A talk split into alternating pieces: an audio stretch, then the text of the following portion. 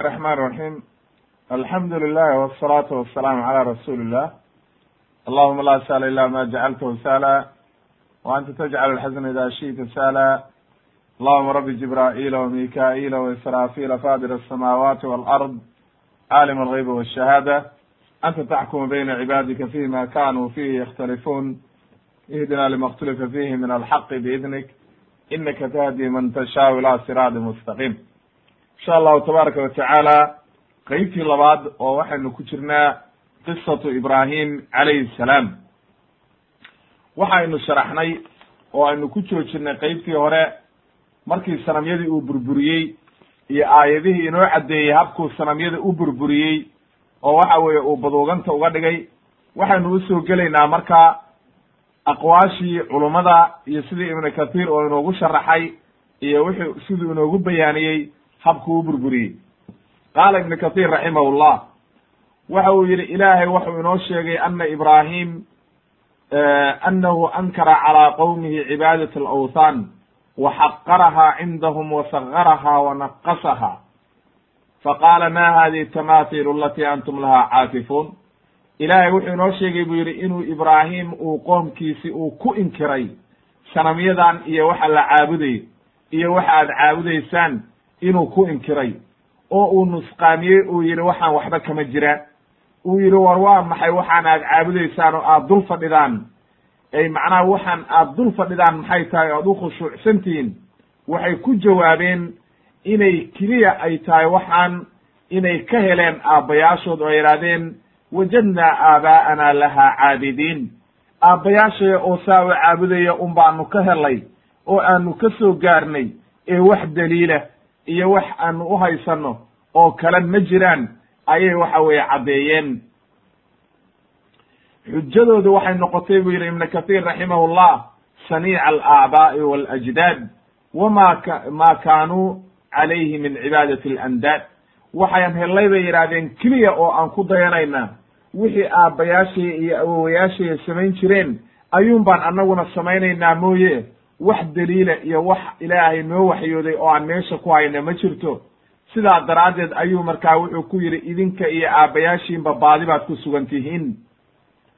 Aayad kale waa isagii ku lahaa a ifkan aalihatan duna allahi turiiduun famaa danukum birabbi alcaalamiin ay macnaha imaamu lqataata waxa uu leeyahay famaa danukum bihi annahu faacilun bikum idaa laqiitumuuhu waqad cabadtum gayrahu maxaad u malaynaysaan oo aad rajaynaysaan ilaahay markaad la kulantaan inuu idinku samayn doono oo ciqaabka uu idinku samayn doono oo aad ilaahay ka milanays aad ka filanaysaan muxuu yahay markaad ilaahay sanamya la caabudeen ood ilaahay hadhow u tagtaan idinkoo mushrikiina. Marka qof walba muslima waxaa laga rabaa inuu aayaddaa ku fekero oo waxa weeye uu is yidhaahdo war maxaad ilaahay horti beri la tegaysaa haddaad maanta shirki adoo ku jira ku dhimatid maxaad ilaahay la hortegaysaa? Wuxuu yidhi ibnu kathiir raximahullah markaa kabacdi ayuu haddana la hadlay buu yidhi oo wuxuu weydiiyey war waxaan mayda maqlayaan marka aad caabudaysaan marka aad baryaysaan marka wax mayda anfacayaan wax mayda tarayaan dhibaato maydii geysan karaan kulli markaasay u jawaabeen oo waxay yidhaahdeen wax ayna tarayaan ma jirto bal wajadnaa aabaa'ana kadalika yafcaluun wuxuu yidhi ibnu kathiir marka sallamuu lahu annaha laa tasmacu walaa tanfacu walaa taduru shay-a. Waxay u hoggaansameen oo u qireen oo u caddeeyeen inayna wax maqlaynin inaynan wax taraynin inayna dhibaato u geysan karin. Wa inama alxaamilu lahum calaa cibaadatiha aliqtidaa'u biaslaafihim wa huwa maaragtay waman huwa mithluhum fi dalaali min alaabaa'i aljuhaal waxaa keliya oo ku kalifay buu yidhi oo ay caddeeyeen sababta ku kaliftay inay tahay markay qireen inayna wax maqlaynin oo wax ma arkaynin oo wax taraynin oo waxay tarayaan ayna jirin oo dhibaato ka celin karin maxaa idinku kalifay marka inaa waxaan samaysaan? Waxaa nagu kalifay bay leeyihiin aabbayaashii iyo awowayaashii un baan taqliidinay oo aan ku dayanaynaa laakiin wax kaloo ay meesha yaalla ma jiraan markaasu waxa uu ku yidhi idinka iyo aabbayaashiinba waxaad samaynaysaan aniga cadow bay idii ii yihiin oo kulligood aniga cadow bay ii yihiin. Idinkuna cadow baa tihiin oo waxa weeye cadowgaygaatiin maadaama aa waxaad samaynaysaan aabbayaashiinii hore oo dhintay iyo waxa weeye idinkuba waxaa ku jirtaan iyo sanamyadaba kulli aniga dagaal baan kula jiraa oo waxa weeye maxaad marka fa inahum caduwun li ilaa rab alcaalamiin wuxuu yidhi ibnu kathiir marka wa hada burhaanun qaadicun calaa butlaani aalihati ma ma madacowhu min alasnaam. Waxay ha taasi daliil cad u tahay buu yidhi oo burhaana oo waxa weeye tusinaysa waxaan ay caabudayaan inaynan baatil yihiin oo wax ay tarayaan ay jirin. Liannahu tabara'a minha wa tanaqasa biha. Beri buu ka noqday oo wuu liiday oo wuxuu yidhi waa wax eber oo aan waxba taraynin. Waa sanamyo aad meesha dhigdhigteen oo waxay tarayaan ma jirta buu yidhi. Falaw kaanat taduru ladarathu maaragtay haddii ay wax dhibayso markaasay odhan lahaayeen war ma annagaad wax naga sheegaysaa oo dhibaato u geysan lahaayeen. Haddii ay wax ta'hiirin karto oo waxa weeye waatan ay leeyihiin waatay reer huudna ku lahaayeen waxaan u malaynaynaa ilaahyadeedaa ku derdere oo dhibaato kuu geystay waatuu yidhi markaa haddii ay wax tari karaan waxba ha iga agranina nabiyullahi ibraahimna saas oo kale ayuu odhanayaa oo waxa uu leeyahay anigu beri baan ka ahay waxaan aad caabudaysaan oo dhan baatil weeye waxay tari karaanna ma jirto beri baana ka noqday ilaahay baan caabudayaa ee waxa weeye wax alla waxaad samayn kadhaan sameeya oo aniga waxaad igu samayn lahaydeen waxba ha iga agranina haddaba qofka muslimkaa waxaa la rabaa inuu arrintaa ku baraarugo oo uu ogaado awliyada maanta la baryayo qabuuraha la dul fadhiyo awliyada lagugu cabsiinayo inayna waxba tari karin. Wixii ilaahay kula maago unbaa kugu dhacaya. Cid kale oo wax kuu geysan karta ma jirto akhilmuslim wa ukhtilmuslima waa inaad ogaatid. Rabbigii subxaana qaadirkaa ayaa dhibtana keena wanaaggana keena. Ee cid kale oo wax dhibaato kuu geysan karta ma jirto. Marka markay ka caajiseen jawaabtii oo waxa weeye ay ogaadeen inayna jawaab kala haynin ayay markaa waxay yidhaahdeen qaaluu aji'tanaa bilxaqi am anta min allaacibiin. Ma waxaad noola timid wax xaqa mise waad iska cayaaraysaa? War xaq baan idinla imid buu yidhi. Bal rabbukum rabu asamaawaati waalardi aladii fadarahuna wa ana calaa dalikum min ashaahidiin qaala ibnu kathiir raximahullah wuxuu leeyahay ay bal aqulu lakum jaaddan muxiqan inama ilaahukum allahu aladi laa ilaha illa hu si saxa waxaan idii leeyahay oo xaqiiqo ah oo run ah oo aan kaftan ku jirin oo aan cayaari ku jirin ilaahayga subxaana qaadirka ah oo ida abuuray samawaadka abuuray dhulalka abuuray kaasaa mudan in la caabudo waxaan kaloo dhan waa baatil weeye waa ilaahay raaca alkhaaliqu lahuma calaa gayri mithaalin saabiq ay samaawaadka iyo dhulalkaba ilaahayga abuuray. Iyadoon cidi uga horreynin fa huwa almustaxaqu kaa ayaa mudan lilcibaada. In la caabudo kaasaa mudan. Waxdahu laa shariika lah. Aan shirkina loo samaynin. Keligii ayaa u xaqle in la caabudo. Wa ana calaa dalikum min ashaahidiin taasaana aniguna ka markhaanti ahay wey. Haddana markaasuu dhaar isku xaabiye oo dhaarto wuxuu yidhi watallaahi la akiidanna asnaamakum. Wuxuu ku dhaaranayaa inuu burburiyo sanamyadii. Wuxuu leeyahay ibnu kathiir raximahullah qiila waxaa la yidhi inahu qaala khufyatan fi nafsihi ay macnaha watallaahi la akiidanna asnaamakum bacda an tuwallow mudbiriin. Dhaartaas naftiisa ayuu ku dhaartay ee iyagii ma uu maqashiin ayay culummada qaar yidhaahdeen laakiin qaar baa waxay yidhahdeen way maqleen oo qaar baa maqlay. Sida cabdullahi ibnu mascuud iyo waxa ay leeyihiin qayb ka mida ayaa maqlaysay.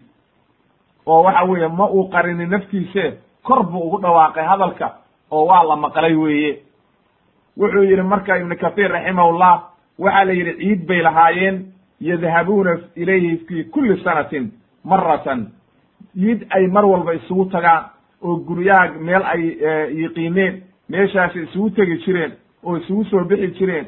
Aabihiisaa wuxuu ku yidhi kaalana raac oo ciidda noo raac oo sanamyadii iyo waxa weeye halkaa meeshii ay shirkiga ku samayn jireen kaale noo raac.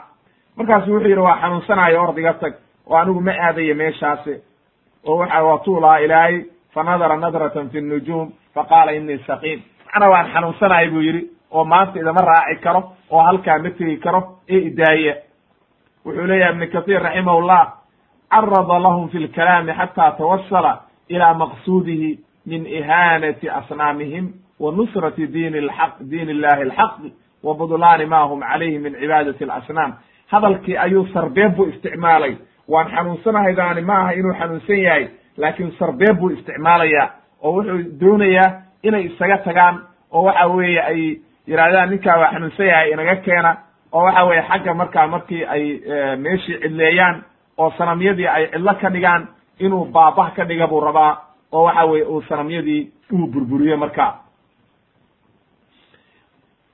diinti ilaahay inuu u gargaaro ayuu doonayaa oo waxa weeye tawxiidki ilaahay uu kor u yeelo oo waxa weeye kelimatullahi hiyo alculya uu ka dhigo diintooda iyo waxaan sanamyadana uu baabi'iyo oo waxa weeye uu ihaaneeyo oo dullinimadooda uu muujiyo inayna waxba qaban karin.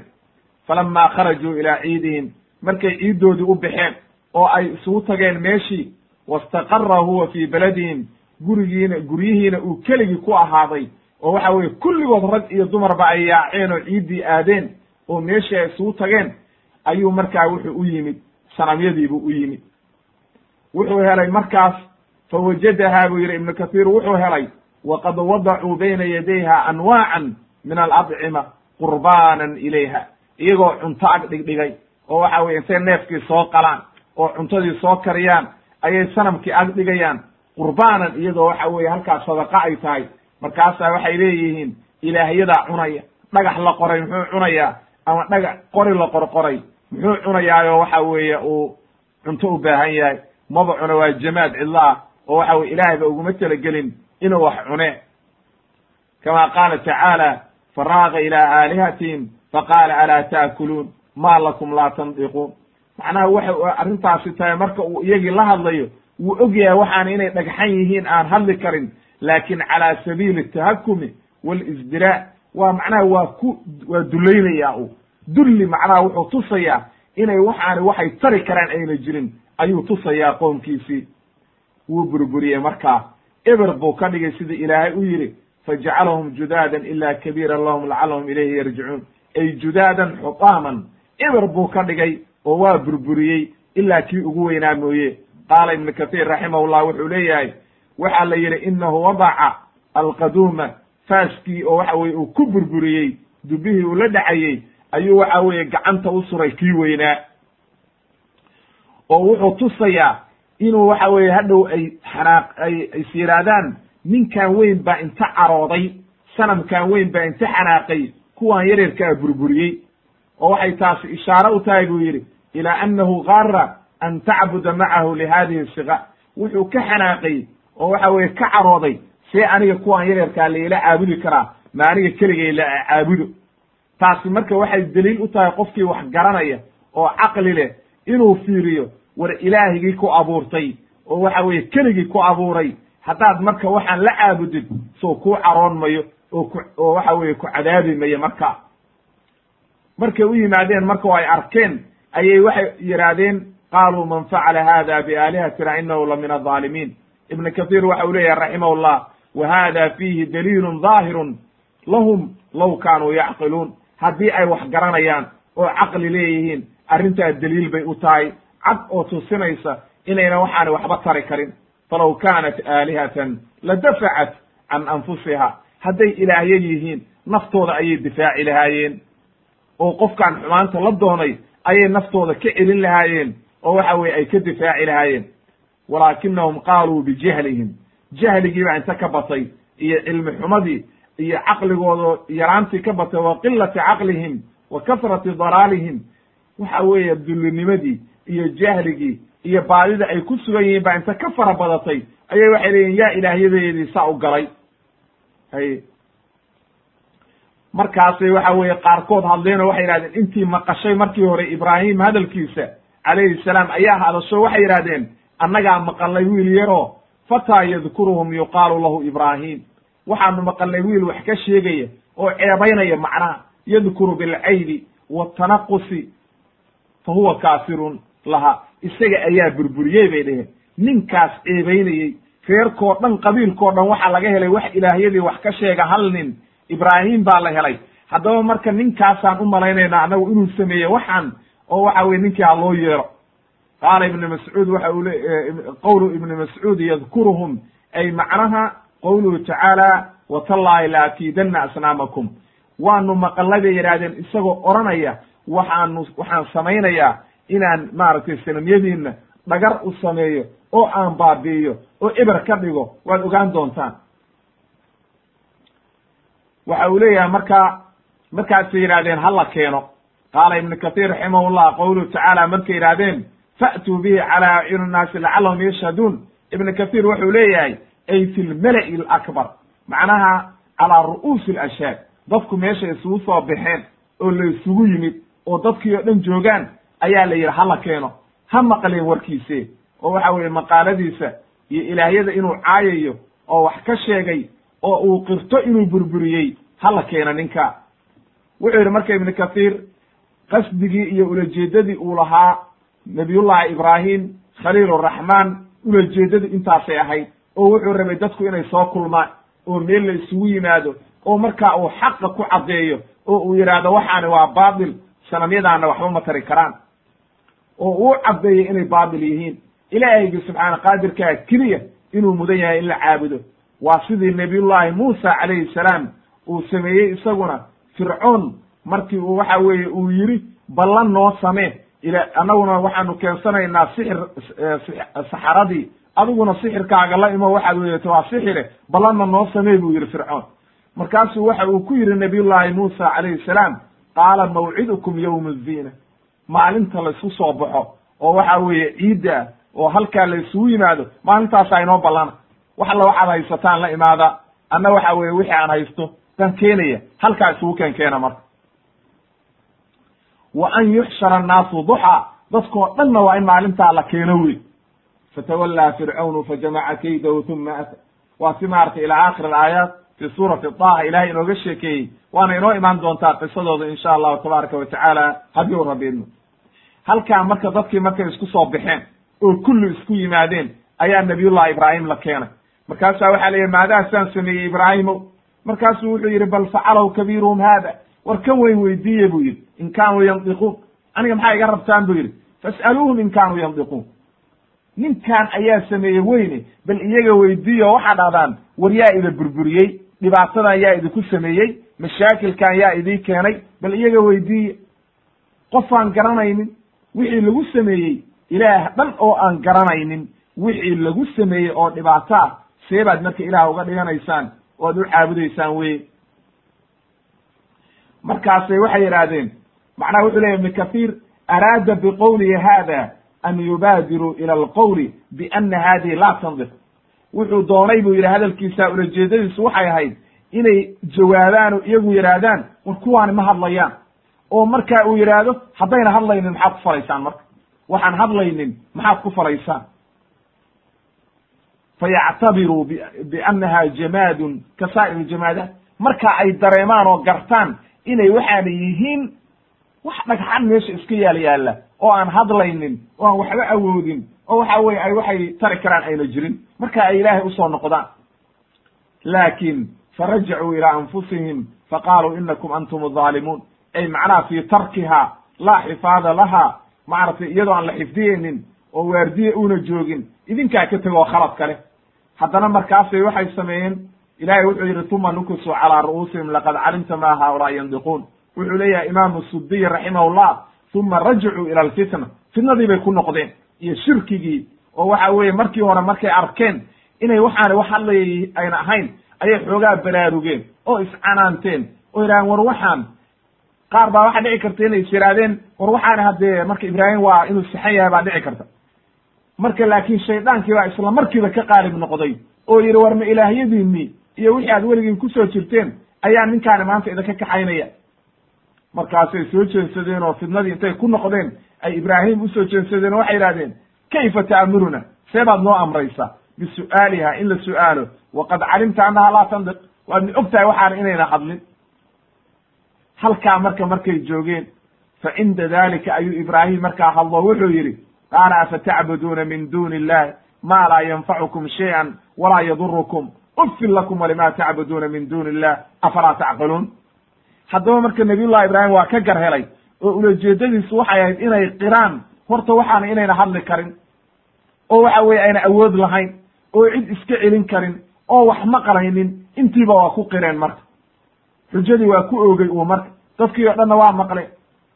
Aayad kale ilahay waatuu ku lahaa faaqbaluu ilayhi yansifuun qaala atacbuduuna ma tanxituun wallahu khalaqakum wama tacmaluun. Ma waxaad caabudaysaan waxaad idinku qorqorteen oo waxa weye idinku aad samayseen ilaahay baana idinka iyo waxa weye waxaan aad samaynaysaanba ilaahay baa abuuray oo ilaahay baa kulligiin ida abuuray. Ilaahayna waa og yahay oo waxaan waxba kama jiraan qaala mujaahid raximahullah imaamu mujaahid waxa uu leeyahay ay yusracuuna iyagoo kala yaacayay u yimaadeen.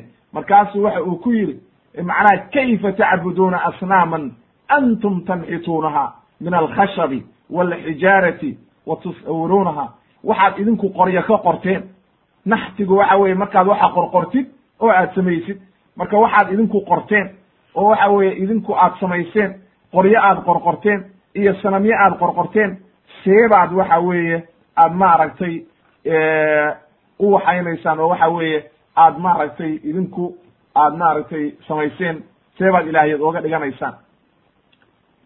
Wa bayana lahum ana hadihi alasnaam makhluuqatun laa tastaxiqu alcibaada. Wuu u caddeeyey waxaanay sanamyo inay yihiin ayna xaqna ulahayn in la caabudo. Walaa yenbagii an yucbada maca allah. Ilaahay in lala caabudona inayna habboonayn. Haddaba qodobkaa waxaan ka faa'iideynaa wax walba oo cibaado loo leexiyo oo aan ilaahay ahayn inay baatil tahay ayna waxba ka jirin. Sidaa nabiyullahi ibraahim ugu caddeeyey qoomkiisii waa in lagu cibro qaato weeye oo la raaco waxa weeye asluubkiisii iyo dariiqii uu xaqa u gaarsiiyey oo laga faa'iidaysta markaa shirkigi o dhanna banaanka laga maro qodobka lixaad o aan u soo gudbayna waxa weeye ilqaa'uhum ibraahim calayhi salaam fi nnaari ay fi xaadithati alixraaq. Haddaba marka markii xujadii laga helay oo laga guulaystay oo nabiyullahi ibraahim guulaystay ayay waxay yidhaahdeen marka xariquuhu guba marka oo aynu dillo awood aan isticmaalno. Marka doodii iyo waxa weeye adiladii waa laga badiyey leanno ilaahay baa u waxyoonaya nabiyullahi ibraahim oo garabkiisa taagan aynu marka ficilkiina ogaano sida awooddii ficilkana looga badiyey oo ilaahay ugu gargaaray nabiyullahi ibraahim ayaynu halkaana ka hadlayna.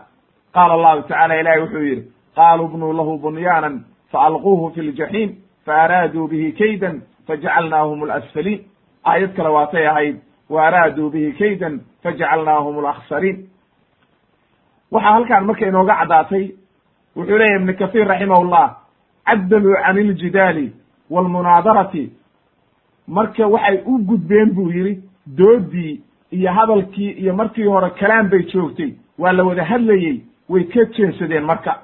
Markay arkeen in hadalkii laga badiyey oo waxa weeye ayna wax xujaa haysan walam yabqa lahum xujatun wax xujaa markaynan u harin ayay waxay isticmaaleen marka quwatahum quwadii ilaa isticmaalu quwatihim wa suldaanihim intaa keliyaa hartay marka.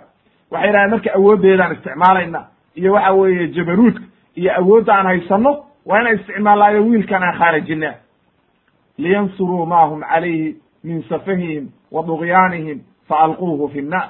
Inay difaacaan shirkiga iyo waxa weeye xumaanta ay ku dhex jiraan ayay waxay leeyihiin marka ninkaan aan gubno aan khaarajino marka gebigiisaba walaakina allaha nasara nabiyahu ilaahay baa u gargaaray nebigiisii. Wa aclaa kalimatahu wa diinahu wa jacala kalimatahum habaa'a mansuura. Imaam ibnu kathiir wuxuu leeyahy raximahullah ilaahay baa nebigiisii u gargaaray kelimadiisiina kor u qaaday diintiisii kor u qaaday iyagana kelimadoodii waxa uu ka dhigay wax baaba oo ebera oo waxa weye aan waxba ka jirin. Leanno shirki bay ku socdeen.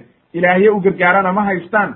Leanno ilaahyadoodii waa dhagxan la qorqoray wey ilaahaygi subxaana qaadirka ahaa ayay ka leexdeen dariiqii xaqaa bay ka leexdeen kama qaala allahu tacaala qaluu xariquuhu wansuruu aalihatakum in kuntum faaciliin qulnaa ya naaru kunii bardan wasalaaman cala ibrahim wa araaduu bihi kaydan fajacalnaahum alaksariin fi suurati alambiya leannahu sababtu maxay tahay waxa uu leeyahay ibnu kathiir raximahullah lamaa wudica fi nnaar markii naartii lagu riday ayuu wuxuu yidhi xasbiya allah wa nicma alwakiil siduu u werinayay imaamu albukhaari can cabdullahi ibni cabaas uga wariyey waxa uu yidhi xasbuna allahu wa nicma alwakiil qaalaha ibraahim xiina ulqiya fi nnaar.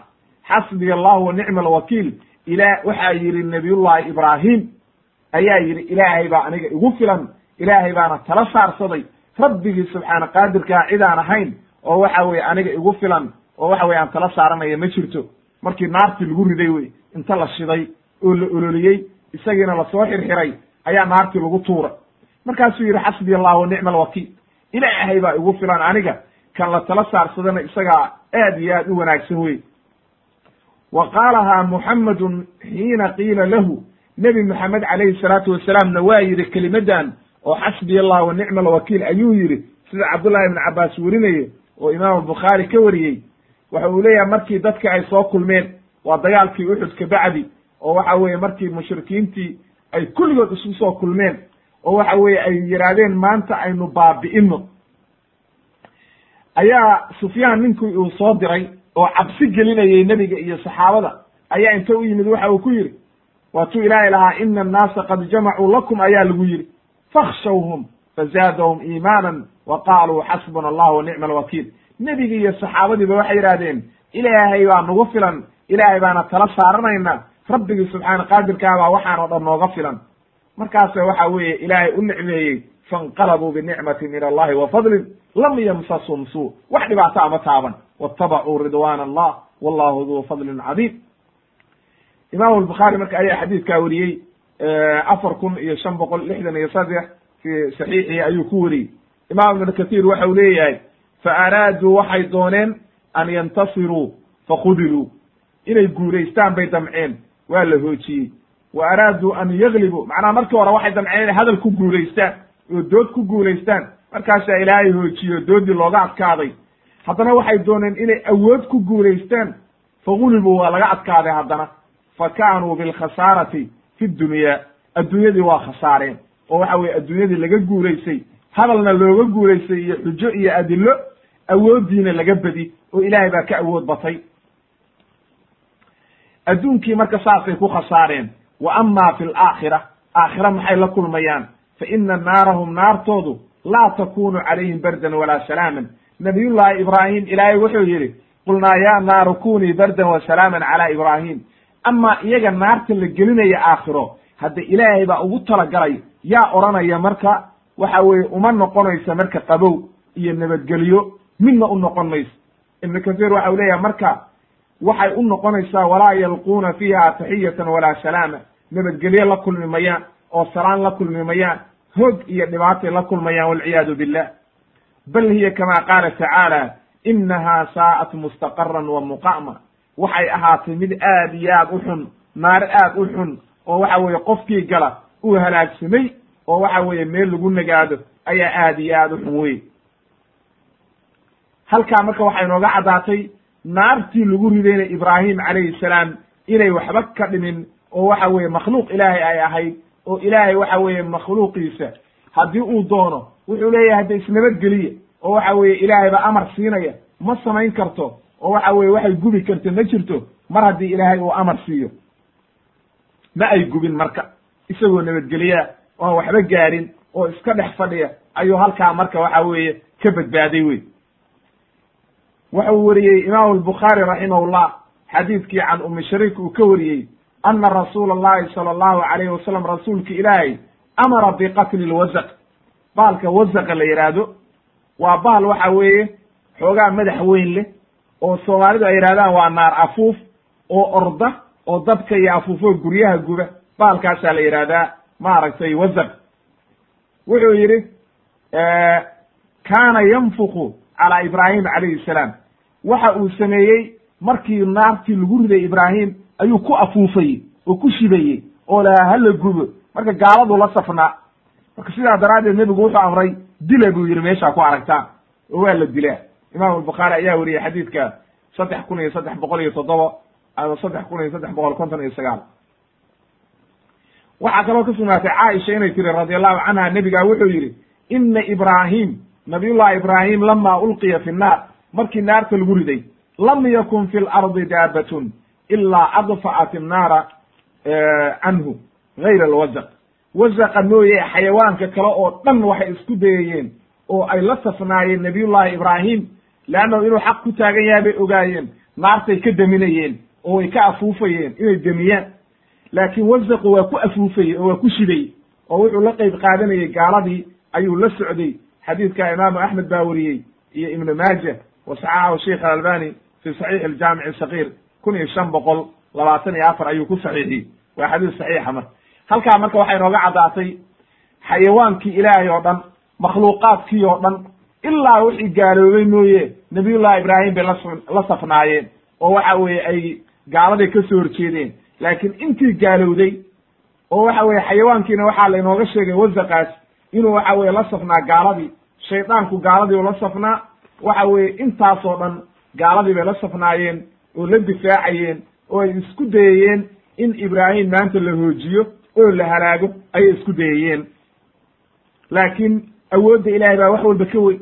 Mar haddii ilaahay uu waxaan doonay waaba waxaan oo dhan ibir bay noqonayaan marka. Wixii ilaahay doono unbaa sugnaanaya. Kelimatullahi hiy alculya wey ilaahay kelimadiisa ayaa sarraynaysa halkaa marka waxaa caqiidaa oo laga qaadanaya waxaan ilaahay dhibaataa ouna kula maagin cid kugu samayn karta ma jirto.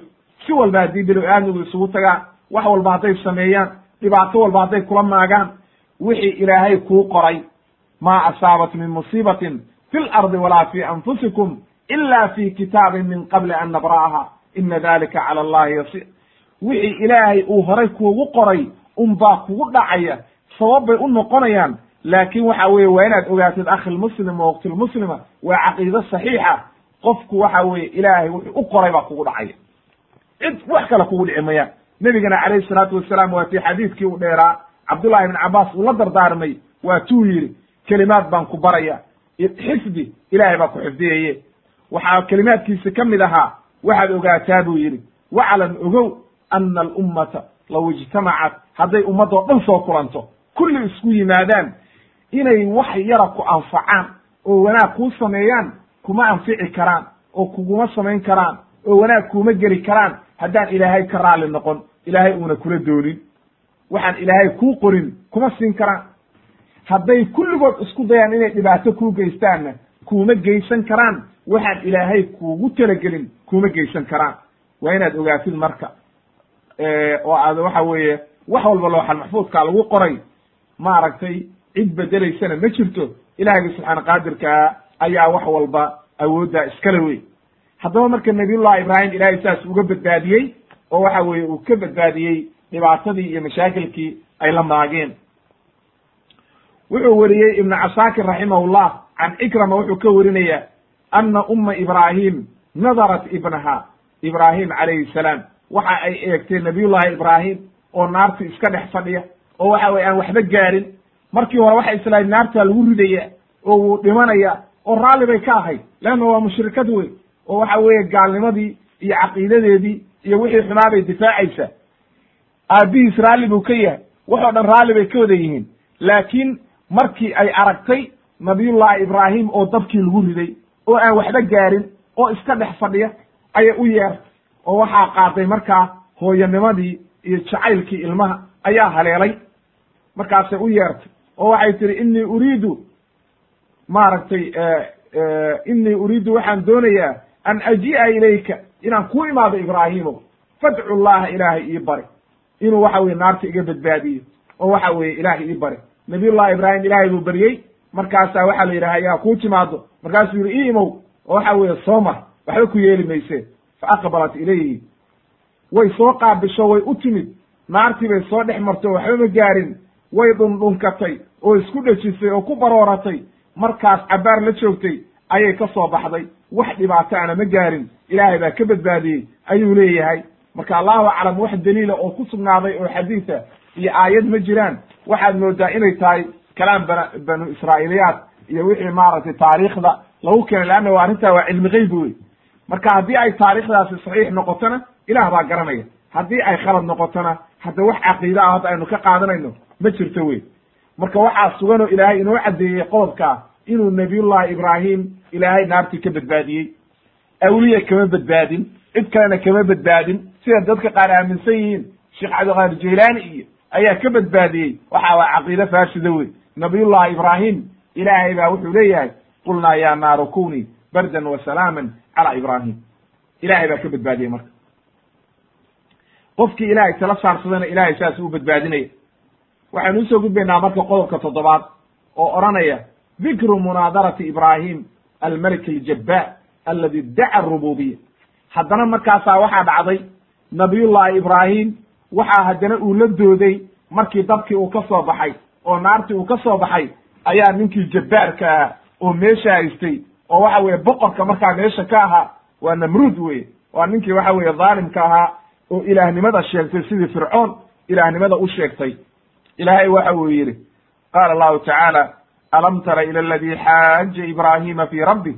Miyaadan arag buu yidhi ninkii kula dooday ibraahim allihii abuurtay oo waxa weye rabbigiisii kula dooday oo inkiray an aataahu allahu lmulk ilaahay waxa uu siiyey dhibaatadaas o dhanna waxa u geystay boqortooyo iyo mulki ayaa inta la siiyey buu ku kibray id qaala ibraahimu markuu ibraahim ku yidhi rabbiy aladii yuxyi wa yumiit aniga ilaahaygii abuurtay waxa weeye kan waxna nooleeya waxna dila markaasuu inta soo booday wuxuu yidhi ana uxyi wa umiit aniga waxna waan dila waxna waan nooleeya rabbi baan ahay oo waxa weeye rabbi kale ma jira aniga meesha ayaa rabbi ka ah qaala ibraahim markaasu wuxuu yidhi ibraahim haddaad rabbi tahay waxna dishi waxna nooleysid fa ina allaha ya'tii bishamsi ilaahay qoraxda wuxuu kala yimaadaa min almashriqi qorax ka soo bax fa'ti biha min almaqrib qoraxda waxaad ka soo saartaa meesha ay u dhacdo oo bedel haddaad awood leedahay.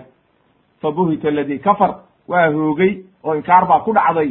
Leanna waxa weye ma samayn karo oo qoraxdii awood uma leh. Wallahu laa yahdi alqowma alظaalimiin fi suurati albaqara ayuu ilaahay aayaddaa ku keenay laba boqol iyo konton iyo sideed qaala ibnu kathiir raximahullah waxa uu leyahy ibnu kathiir wuxuu ilaahay aayaddan inoogu sheegay doodii uu la galay maaragtay khaliiluraxmaan ninkaa jabbaarka oo sheegtay ilaahnimada oo waxa weeye rubuubinimada sheegtay. Fa abdala alkhaliilu daliilahu. Nabiyullahi ibraahim wuxuu baadiyeeyey oo baadi ka dhigay wixii uu daliisha ka dhiganayey. Leanna wuxuu islahaa aniga rabbi baan ahay buu sheeganayey oo waxa weeye dadkaa juhalada ah ayuu maskaxda ka qabsaday.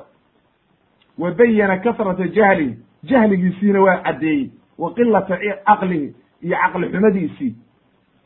Waxa uu u caddeeyey xujadiibu waadix ka dhigay oo waxa uu leeyahay mufasiriintu waxay yidhaahdeen iyo keyrkoodba min culamaa'i nasab iyo taariikhda dadka qora. Ninkaasi waxa weeye waa meleku babil waa magaaladii babil ninkii boqorka ka ahaa oo waxa weeye uu nabiyullahi ibraahim meeshii lagu gubay wey oo lagu dhibaateeyey oo mashaakilka lagu sameeyey. Ismuhu magaciisa waxaa la la yidhi annimruud nimruud ibna kancaan ayaa la ohan jiray ba la yidhi. Ilaahnimo ayuu sheegtay oo waxa weeye waxa uu sheegtay ilaahnimo. Mar alla markuu ibraahim u yimid oo cibaadadii ugu yeeray oo yidhi war ilaaha keliya caabud oo waxa waxaan aad wadi waxba kama jiraan. Ilaahna ma tiid rabbina ma tiid waxaad samaynaysidna waa khalad. Ayuu wuxuu yidhi aniga ilaaha anaa rabbiya see baad ii odhan kartaa waxa weye cid kale caabud. Ilaahay oo dhan buuba inkirayba. Oo wuxuu yidhi anaaba meesha rabbi ka ah. Waa sidii fircoon oo kale. Uu yidhi ma calimtu lakum min ilaahin gayri ilaah kale idii garan mayo. Ana rabbukum ilacla uu yidhi. Ilaahay baa markaasuu nabiyullahi ibraahim wuxuu ku yidhi rabbiga aladii yuxyi wa yumiit. Ilaahnimadan aad sheeganaysid aniga kuma aqoonsanin. Rabbiga aan aqoonsanayo waxa weeye waa ilaaha waxna abuura waxna dila. Markaasuu wuxuu yidhi anaa uxyi wa umiit. Imaamu qataata iyo suddi maxamed ibnu isxaaq mufasiriintaasoo dhan waxay leeyihiin wuxuu sameeyey laba nin buu keenay oo lagu xukumay toogasho. Markaasuu yidhi midna hala toogto oo la dilay. Hortiisa lagu dilay. Midna wuxuu yidhi sii daaye. Oo waxa weye markaasu wuxuu yidhi wakaasoo kana waa nooleeyey kana waa dilay. Marka ibraahim calayhi salaam kalaamkiisu isagu ma ahayn tan caadiga ah oo basharku ay samayn karaan. Laakiin waxa uu ka hadlayay rabbi aladii yuxyi in macnaha wax nool abuura oo dilo qofkuu rabo geerida u keena laakiin qof aad qori ku dhufatay sabab baad u noqotay waxba ma adilin markaasuu wuxuu yidhi saa miya ha haddaba marka waxaad samaysaa buu yidhi. Ilaahaygii subxaana qaadirka ahaa. Leanna waxaa dhici karta dad badan oo juhalo ah inay is yidhaahdaan warka ninkaani waxna waa dilay waxna waa nooleeyey. Haddaba rabbi weeye marka.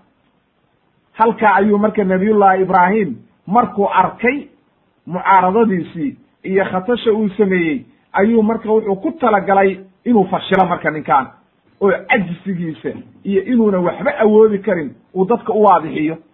Markaasu waxa uu ku yidhi fa ina allaha yaati bishams min almashriq faati biha min almaqrib qoraxda halkaa maraysa ilaahay baa qorax ka soo bax ka soo saaray. Halkaana u rida maalin walbe la imo oo adugu xagga inta ka soo saartid xagga u celi. Daba mari meeshii ilaahay ugu talagalay meelaan ahayn u bedel haddii aad wax awoodid ayuu yidhi marka halkaa waxaad ka garanaysaa marka inay baatil tahay oo waxa weeye unan awoodi karin fa buhita aladii kafar.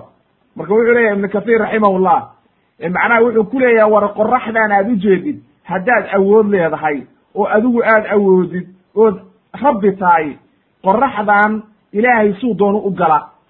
Waxa weye waa makhluuq musakharatun biamri illah maalin walba qorax ka soo bax bay ka soo baxda xaggana way u dhacdaa ilaahay baa saas sameeyey ilaahaygii khaaliqa ahaa oo wax walba abuuray fa in kunta kamaa zacamta min anaka tuxyi wa tumi tuxyi wa tumiid haddii aad sida aad been hawaas sida aad ku been hawaastay oo beentaa oo aad sheegatay hadday run tahay oo aad waxna dishid waxna noolaysid qoraxdaa bedel marka leannahu ilaahay waxbuu dilaa oo waxbuu nooleeyaa oo qoraxduu saa u galay oo dayaxuu saa u galay adigu bedel marka oo waxa weye aan ku aragno biri subax waagu markuu beriyo qoraxda halkaa ka soo saar meeshay u dhacdo oo qorax udhac ka saar. Hadda miyuu samayn karaa marka? Waa samayn kari waayey. Markaasuu iska aamusay leannahu ma samayn karo. Walam yabqa lahu kalaamun yujiibu alkhaliila bihi bal inqadaca wa sakat wuu aamusay marka. Shib buu yidhi sidaas daraaddeed buu ilaahay leeyahay fabuhita aladii kafar. Wallahu laa yahdi alqowma alظaalimiin wuxuu yidhi marka imaamu sudi raximahullah munaadaradan ibraahim iyo nabruud dhex martay waa markii uu ka soo baxay naarta naartii baa lagu riday ha la dile baa la yidhi oo ha la gubo waa la gubi kari waaye naartiibuu ka soo baxay dadkii oo dhan baa soo jamcay meeshii baa la wada daawanaya leannao boqorkii askartiisii madaxdiisii idima harin kulli waxaa la daawanayaa nabiyullahi ibraahim markii dabka lagu riday iyo habkii dabka loogu riday ayay wada daawanayaan markuu dabkii ka soo baxay oo waxa weye halkaa uu ka badbaaday ayuu markaa namruud intuu u yimid wuxuu yidhi ilaahay ka baq. Oo waxa weye ilaahay raac oo caqiidada saxiixa qaado ilaahna ma tihid rabbina ma tihid waxaana waa shirki aad ku jirtid. Markaasuu la dooday oo dooda ay dhex martay. Haddaba qodobkaa waxaynu ka qaadanay in waxa weeye uu nabiyullahi ibraahim calayhi salaam ninkaa dhaalimkaa oo nimruud la ohan jiray ibni kancaan oo boqornimada sheegtay oo waxa weye ilaahnimada sheegtayna inuu nabiyullahi ibraahim baatil ka dhigay qowlkiisii oo baatil uu waxa weye uu doodii la galay oo uu baatil gareeyey wey halkaa markaa intaa waxaa ku dhammaatay marxaladii hore oo nabiyullahi ibraahim leannahu qisadiisa saddex marxalo ayaynu u qaybinay. Marxaladii ugu horreysay oo ahayd marxalatu sikar oo waxa weeye uu yaraa oo waxa weeye dhibaatada uu kala kulmay qowmkiisii iyo reerkiisii. Marxaladii labaad baynu u soo gudbaynaa nabiyullahi ibraahim oo haajiray oo ka tegaya oo waxa weeye qoomkiisii markay ilaahay rumayn waayeen oo gaalnimo sameeyeen isaga haajiray marka. Waxaynu ugu horumarinaynaa hijradiisii. Waxa uu qaala allahu tacala ilahi waxa uu yidhi fa aamana lahu luut. Nabiy llahi luut baa rumeeyey wa qaala inii muhaajirun ilaa rabbii sayaadiin ilaahygii subxaana qaadirka inii muhaajirun ilaa rabbii inahu huwa alcaziizu alxakiim ilaahay baan uhaajirayaa buyi waana idinka tegayaa markuu naartii ka soo baxay oo ninkaa gaalkaa la dooday oo waxba ka qaadan waayeen buu yidhi haddaba anigu ilaahay dartiisaan uhaajiraya waana idinka tegayaa oo beri baan idinka ahay waana idinka haajiraya waa idinka tegaya nabiyullahi luut oo waxa weeye markaas adeer uu u ahaa oo walaalki dhalay haaraan uu dhalay ayaa waxa weeye markaa rumeeyey oo raacay. Ilaahay waxa uu yidhi wawahabna lahu isxaaqa. Wawahab ilahay wuxuu yidhi wawahabna lahu isxaaqa wayacquuba wajacalna fi duriyatihi nubuwata walkitaab wa aataynaahu ajrahu fi dunya wa inahu fi laakhirati la min asaalixiin ilaahay wuxuu yidhi waxaanu u hibaynay markaa kabacdi nabiyullahi isxaaq oo ay dhashay saara iyo yacquubna waxaa dhalay isxaaq oo waxa weye waa nebi yacquub waa nebi yuusuf aabi. Weye waxaan ka dhignay buu yihi duriyadiisii nebiyo oo kutub baan ku soo dejinay. Ajarkiisiina waan siinay adduun iyo adduunka intuu joogay. Aakhirana waxaanu ka dhignay dadka saalixiinta oo waxa weye dadka saalixiinta ayuu ka mid yahay oo jannada gelaya. Aayad kale ilaahay wuxuu yidhi wanajaynaahu ay macnaha dabkii iyo dhibaatadii iyo wixii o dhan baan ka badbaadinay nebi ibraahim calayhi salaam wa luutan iyo nabiyullahi luutba ila alardi alatii baaraknaa fiiha lilcaalamiin. Waxay u haajireen marka oo waxa weeye ay ilaahay ku badbaadiyey oo ay degeen ardu sham meeshii ilaahay barakeeyey. Waa dhulkii waxa weeye baytulmaqdis ilaahay uu barakeeyey wey ilahay wuxuu yidhi wawahabnaa lahu isxaaqa wa yacquuba naafila. Ay macnaha waa weladulweled waa wiilku awowga u ahaa ayuu yacquub noqonaya leannahu nabiyullahi isxaaq waxaa dhalay nabiyullahi ibraahim yacquub buu sii dhalay marka awowow u yahay oo waa wiilka wiilkiisii. Ilaahay wuxuu yidhi wa kullan jacalnaa saalixiin. Iyagoo dhan waxaanu ka dhignay rag saalixiina. Duriyadiisii dad badan oo saalixiina ayaa ka soo baxay marka. Waxa uu yihi marka ilaahay haddana wajacalnaahum waxaanu ka dhignay a'imatan kuwo dadka hogaamiya. Oo waxa weeye duriyaddii nebi aadam ayaa waxay noqotay inay marka dadkii hogaamiyaan. Oo waxa weeye a'imo looga dhigay maadaama uu waxa weye isagii imaam noqday oo sabray oo dhibaatoo dhan la soo mariyey ayaa ilaahay wuxuu marka ugu abaalguday inuu duriyaddiisii ka dhigo nebiyo iyo rusul iyo a'ima iyo boqorro dadka hogaamiye inuu ka dhigo. Yahduuna biamrina wa awxaynaa ilayhim ficla alkhayraat. Waxaan u waxyoonnay inay wanaag sameeyaan ficilkii wanaagsanaa daacatullah cibaadadii iyo waxa weye inay la yimaadaan wa iqaami asalaa wa iitaa'i azaka wa kaanuu lana caabidiin ilaahay wuxuu yidhi annaga ilaahay bay caabudi jireen oo kulligood muslimiin bay ahaayeen duriyaddiisii oo dhan oo waxa weeye cid kale ma ay caabudaynin qaala imaam ibnu kathiir raximahullah waxa uu yidhi lamaa hajara qowmahu fi llah ilaahay darti markuu uga haajiray qoomkiisii wa haajara min bayni adhurihim uu dhexdoodiina ka tegey wa kaanat imra'atuhu caaqiran laa yuuladu laha aydan xaaskiisuna ahayd waa saara weye xaaskii uu qabay oo saare la odhan jiray ma dhali jirin oo waxa weeye markaas waxay ahayd qofaan waxba dhalin oo waxa weeye ma ay dhali jirin ilmo oo nabiyullahi ibraahim muddo badan buu qabay waxna umay dhalin walam yakun laha min alwaladi axadun nabiyullahi ibraahimna xaas kale ma lahayn carruur kalena ma lahayn ilaa waxaa la socday wiilkii walaalki dhalay oo luut calayhi salaam ibna haaraan ibna aazar wiilka ayaa la socday wahabahu allah ilaahay baa wuxuu u hibeeyey duriyatan awlaad awlaad baa ilaahay u hibeeyey alsaalixiina wanaagsan wa jacala fii duriyatihi nubuwata walkitaab ilaahayna markaasu wuxuu u ballan qaaday duriyaddiisa kabacdi wixii nabiyullahi ibraahim ka dambeeya inay nebiye noqon doonaan oo kutub lagu soo dejin doono oo waxa weeye ay cirib dambeedka iyagu yeelanayaan leanno marka waxaynu nidhi markaynu nabiyullahi nuux soo sharaxaynay wixii nabiyullahi nuux ka dambeeya oo waxa weeye ummada oo kutub lagu soo dejiyo nebi laga dhigo waa min duriyati nuux calayhi salaam. Nebi ibraahim wixii ka dambeeyana waa min duriyati ibraahim calayhi salaam. Wax alla nin alla ninkii nebi laga dhigo oo waxa weeye rasuul laga dhigo kitaab lagu soo dejiyo waa min duriyati ibraahim calayhi salaam. Halkaa waa inaad ogaatid akhilmuslim waqtilmuslima marka wuxuu leyahy ibn kathir fa kullu nabiyin bucita bacdahu fa huwa min duriyati nebi kasta oo la diray bacda ibraahim waa min duriyati ibraahim calayhi salaam weeye ayuu leeyahay oo waxa weye sida saxiixa leanno ilaahay baa le maaragtay waxaanu ka dhignay duriyaddiisii maaragtay kitaab iyo waxaanu ku dejinay iyo nebinimo wa kullu kitaabin kitaab walba oo nazla min aلsamaa calى nabiyi min alambiya min bacdi fa huwa calى axadi naslihi wa caqibih nebi kas kitaab walba oo soo degay oo ilaahay soo dejiyey nebi kasta oo ilaahay soo diray rasuul kasta oo ilaahay soo diray oo nebi ibraahim ka dambeeya waa duriyati ibraahim calayhi salaam weeye karaamatan minhu. Ilaahay baa karaameeyey marka. Oo waxa weeye ilaahay baa ugu abaalguday.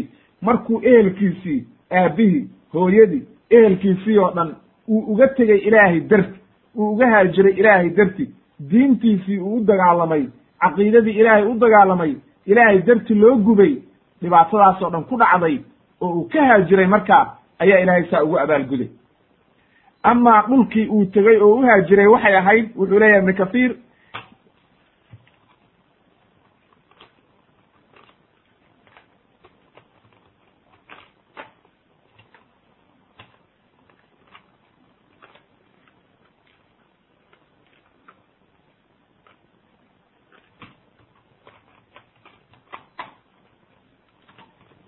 amaa dhulka uu uhaajiray oo nabiyullahi ibraahim uu u haajiray wuxuu leeyahay ibnu kathiir dhulka ilaahay barakeeyey oo uu qasday waxa weeye waa baytulmaqdis waa ardu sham weye waa dhulka. Wuxuu leeyahay wuxuu u qasday ardu sham wa hiya alatii qaala allahu tacaala wanajaynaahu waluudan ila alardi alatii baaraknaa fiiha lilcaalamiin. Waa midii ilaahay uu barakeeyey waa ardu maqdis weeye waa ardu sham dhulkaa la yidhahdo falastiin iyo suuriya iyo ayaa ardu sham la isku yidhahdaa laakin baytulmaqdis buu tegey. Waa meesha waxa weeye baytul aqsa uu ku yaal. Sida ilaahay u yidhi maaragtay uu ilaahay inoogu caddeeyey aayadda. Qaalahu ubay ibni kacab ayaa yidhi wa abulcaaliya wa qataata wagayruhum ayaa yidhi waa halkaa weye laakiin qowl baa jira cabdullahi ibni cabbaas laga werinayo ou leeyahay waa maka meeshuu u soo haajiray oo ilaahay barakeeyey waa maka haddaba marka wuxuu deliishaday cabdullahi ibni cabbaas qowluhu tacaala ina awala beytin wudica linnaasi laladii bibakkata mubaarakan wahudan lilcaalamiin ali cimraan aayaddaa ku soo aroortay waa sax oo waxa weeye maka waa gurigii ugu horreeyey oo beytkii ugu horreeyey oo bilow aamniga loogu talagalay inay ilaahay ku caabudaan. Laakiin nabiyullahi ibraahim markuu soo haajiray sida waxa weeye saxiixa ardada la barakeeyey oo waxa weeye dhulka ilaahay uu barakeeyey u soo haajiray waxay ahayd baytulmaqdis ayuu yimid horta oo dhulkaa sham buu u soo haajiray sida ibnu kathiir iyo culummo badan ay ku caddaynayaan iyo saxaabadii ubay ibni kacab iyo ay leeyihiin. Halkaa marka qodobkaa waxaan uga gudbaynaa oo waxa weye marxaladii dambe ugu horreeya nabiyullahi ibraahim inuu ka haajiray qoomkiisii markii ay dhibeen oo waxa weye ilaahay dartii uu haajiray ayaa halkaa inooga caddaatay. Qodobka labaad aynu ku soo qaadayna waxa weeye nin kale oo jabbaara oo dhaalima oo waxa weeye dulmi badan ayuu nabiyullahi ibraahim soo maray markii uu waxa weye dhulkaas soo marayey. Marka waxa la yidhi ninkaa jabbaarka oo dhaalimkaa wuxuu ahaa ba la yidhi wuxuu degenaa meelahan dhulkan urdun iyo meeshaa udhaxaysa urdun iyo waxa weeye falastiin iyo dhulka ayuu degenaa ba la yidhi. Maadaama nabiyullahi ibraahim uu ciraaq iyo halkaa ka yimid leanno baabil bay ahayd meesha uu ka yimid waa ardu ciraaq uu soo haajiray baytulmaqdis iyo halkaas u soo socdaa wuxuu soo maray ba la yidhi. Marka nin meelaha dhexe degan magaciisiina aan la sheegin oo dhaalim ahaa oo jabbaar aha waxyaalihii xumaanta uu samayn jiray ninkaa waxaa ka mid ahayd ba la yidhi naag alla naagtii u arko oo qurux badan ninka ayuu ka qaadi jiray. Oo oran jiray tani anay waxa weye igu habboon tahay ee waxa weeye soco anaa qaadanaye markaasuu dulmi ku haysan jiray. Marka raggii oo dhan buu dullaystay. Nin walba waxa weye naagtiisii buu ka kaxaysanayaa oo suu doono ka yeelayaa oo waxa weye iska kaxaysanaya oo nin aan hadli kara una jirin leanna waa dullaystay wey dulli buu ku sameeyey. Halkaa ayuu soo maray nabiyullahi ibraahim saarana ay la socotay oo waxa weeye saarana waxay ahayd gabar aad iyo aad u qurux badan radia allahu canha ilaahay ka raali noqdo oo ilaahay ha u naxariiste gabar aad u qurux badan bay ahayd oo waxaa la yidhi quruxda aad iyo aad bay cajiib u ahayd. Sidii nebigu yidhi calayhi salaatu wasalaam xadiis ku sugnaatay ucdiya yuusuf wa ummahu maaragtay shatra alxusni nabiyullahi yuusuf iyo hooyadii ay saara laga wadaa ayeydiis waxa uu ilaahay siiyey quruxda barkeed. Ay quruxdii nabiyullaahi aadam lagu abuuray barkeed ayaa la siiyey ayay culummadu leeyihiin oo wax la quruxa ma jirin. Marka qof dumara oo saaro ka qurux badnayd ma jirin ba la yidhi. Bacda xaawa xaawe haddii laga soo gudbo iyadaa ugu qurux badnayd ba la yidhi duriyadii nabiyullaahi aadam xagga dumarka. Nabiyullaahi yuusufna rag ka qurux badan ma jira ba la yidhi bacda nabiyullaahi aadam calayhi salaam. Waxaa sugnaatay marka nebiga calayhi salaatu wasalaam xadiis wuxuu ku yidhi lam yakdib ibraahimu ilaa halaata kadibaatin saddex arrimood ayuu nabiyullaahi ibraahim weligii been ma sheegin ilaa saddex mar mooye. Saddexdaa marna saddexdaba been maahae waa sarbeeb weye laba arrimood ilaahay dartiisay ka ahayd. Oo waxa weeye waa markuu yidhi innii saqiimun. Waan xanuunsanayo orda iga taga. Wuxuu rabay inuu jaanis ka helo oo waxa weeye uu wakti u helo oo suu ku burburin lahaa sanamyadan uu baabi'in lahaa. Midda labaad waxa weeye markuu ku yidhi bal facalahu kabiiruhum haada kanaa burburiyey weyne weydiiye markuu ku yidhi weye oo uu doonayey inay inta caqlistaan oo fakeraan oo baraarugaan ay ogaadaan markaa inayna waxaani waxba awoodi karin oo sanamyadan ay markaa ka tagaan. Midda saddexaad oo macalshaahidkaa waxa weeye wa baynamaa huwa buu yidhi nebigu wakti uu nabiyullaahi ibraahim calayhi salaam iyo saara ay wada socdeen oo waxa weeye ay ayay waxay yimaadeen id ataa calaa jabbaarin min aljabaabira nin kibray oo xoog badan. Jabbaar waxaa la yidhaahdaa ninka dhaalimka ah oo dadka dulmiya oo dadka laaya oo dhibaatada u geysta oo xaqdarrada ku socda oo xooggiisa iyo quwadda ilaahay siiyey iyo xukunka ilaahay siiyey dadka ku addoonsada kaasaa la yidhahdaa jabbaar oo dhiigga daadiya. Waxa uu yidhi marka nebiga calayhi salaatu wasalaam markay u yimaadeen oo halkaas soo mareen ayuu markaa waxaa lagu yidhi meel bay degeen marka ninkaa meeshiisii uu deganaa iyo meeshii uu xukumay. Qeyb ka mid a ayay maalin ku nasteen oo meeshii waxa weeye ay degeen markaasaa kuwii jaajuusiinta ahaa oo dulliga ahaa oo u adeegi jiray oo naagaha quruxda badan u soo sheegi jiray oo waxa weeye qawsaarada u ahaa ayaa inta u yimaadeen waxay ku yidhaahdeen nin baa maanta halkaan soo degey gabar qurux badan oo aad u qurux badan buu wataa min axsani innaas oo waxa weye dadka ugu qurux badan markaasuu u cibiray oo wuxuu yidhi la kaalaya ninka ii keena. Ibraahim baa askarti kuwii u yimaadeen jaajuusiinta iyo askartii waxay yidhahdeen boqorkaa kuu yeraye soo bax. Wuu u yimid. Markaasuu wuxuu yidhi waa maxay? Qofkaan dumarkaa kula socotaa haddii uu marka yidhaahdo waa xaaskaygii uu ka qaadaya oo waxa weye wuxuu isku dayayaa inuu ka qaato. Markaasuu wuxuu yidhi ukhtii waa walaashay. Ay macnaha ukhtii fi lislaam diin buu ka wadaa. Ee been ma aha. Waa ukhtii fi lislaam wey markaasuu u yimid oo waxa weeye wuu iska soo diray. Wuxuu yidhi hayo orod iska tag marka nabiyullaahi ibraahim baa saare u yimid. Markaasuu wuxuu ku yidhi saaroy ninkan waa ikaa weydiiyey. Laysa calaa wajhi alardi mu'minun gayrii wa gayru gayriki aniga iyo adiga mooye wax iimaan laga helay maanta oo muslimiinana meeshaan ma joogaan. Oo labadeenna unbaa muslimiina. Oo labadeennaa mu'miniin oo ilaahay rumaynay. Haddaba marka waxaan ku idhi waa walaashaye ha i beeninin. Ukhtii fi lislaam baa tahay oo walaashay baa tahaye falaa tukadibnii ha i beeninin. Haddii lagu yeedho oo ninkan dhaalimkaa uu ku ku waraysto adigana ha i beeninin oo waxaa dhahdaa adna waa walaalkay. Oo u yeedho waxaa la yidhi haye iyadana hala keeno. Askartii baa u timid oo waxa weye iyadiina waa la kaxeeyey. Markaasu wuxuu ku yidhi mar alle markii loo soo geliyey oo waxa weeye uu arkay iyadii waxa weye waxba ma weydiin. Waa ku soo haliilay un. Isma celin karo mar alla markuu arko naag qurux badan ayaa waxa weye qareerku ka daadanaya markaasu waxa weeye ku soo booday ilaahay bay bariday markaa marka ilaahay bariday ayaa markaas la qabtay. Dhab baa la siiyey. Oo waxa weye isagii oo dhan garbaduub loo qabtay. Ilaahay baa quwaddiisii iyo awooddiisii xanibay markaa oo waxa weeye saare waxba wuu yeeli kari waayey. Oo waxa weeye gacan waa u soo fidin kari waayey. Markaasuu beriyo wuxuu ku yidhi ilaahay ii bari waan iska kaa daynayaa waxba dhibaataana kugu samayn maye. Waa la sii daayey markaa. Haddana kuma quus qaadane mar labaad buu haddana ku soo orday. Markaasa haddana sidii oo kale iyo ka daran loo qabtay.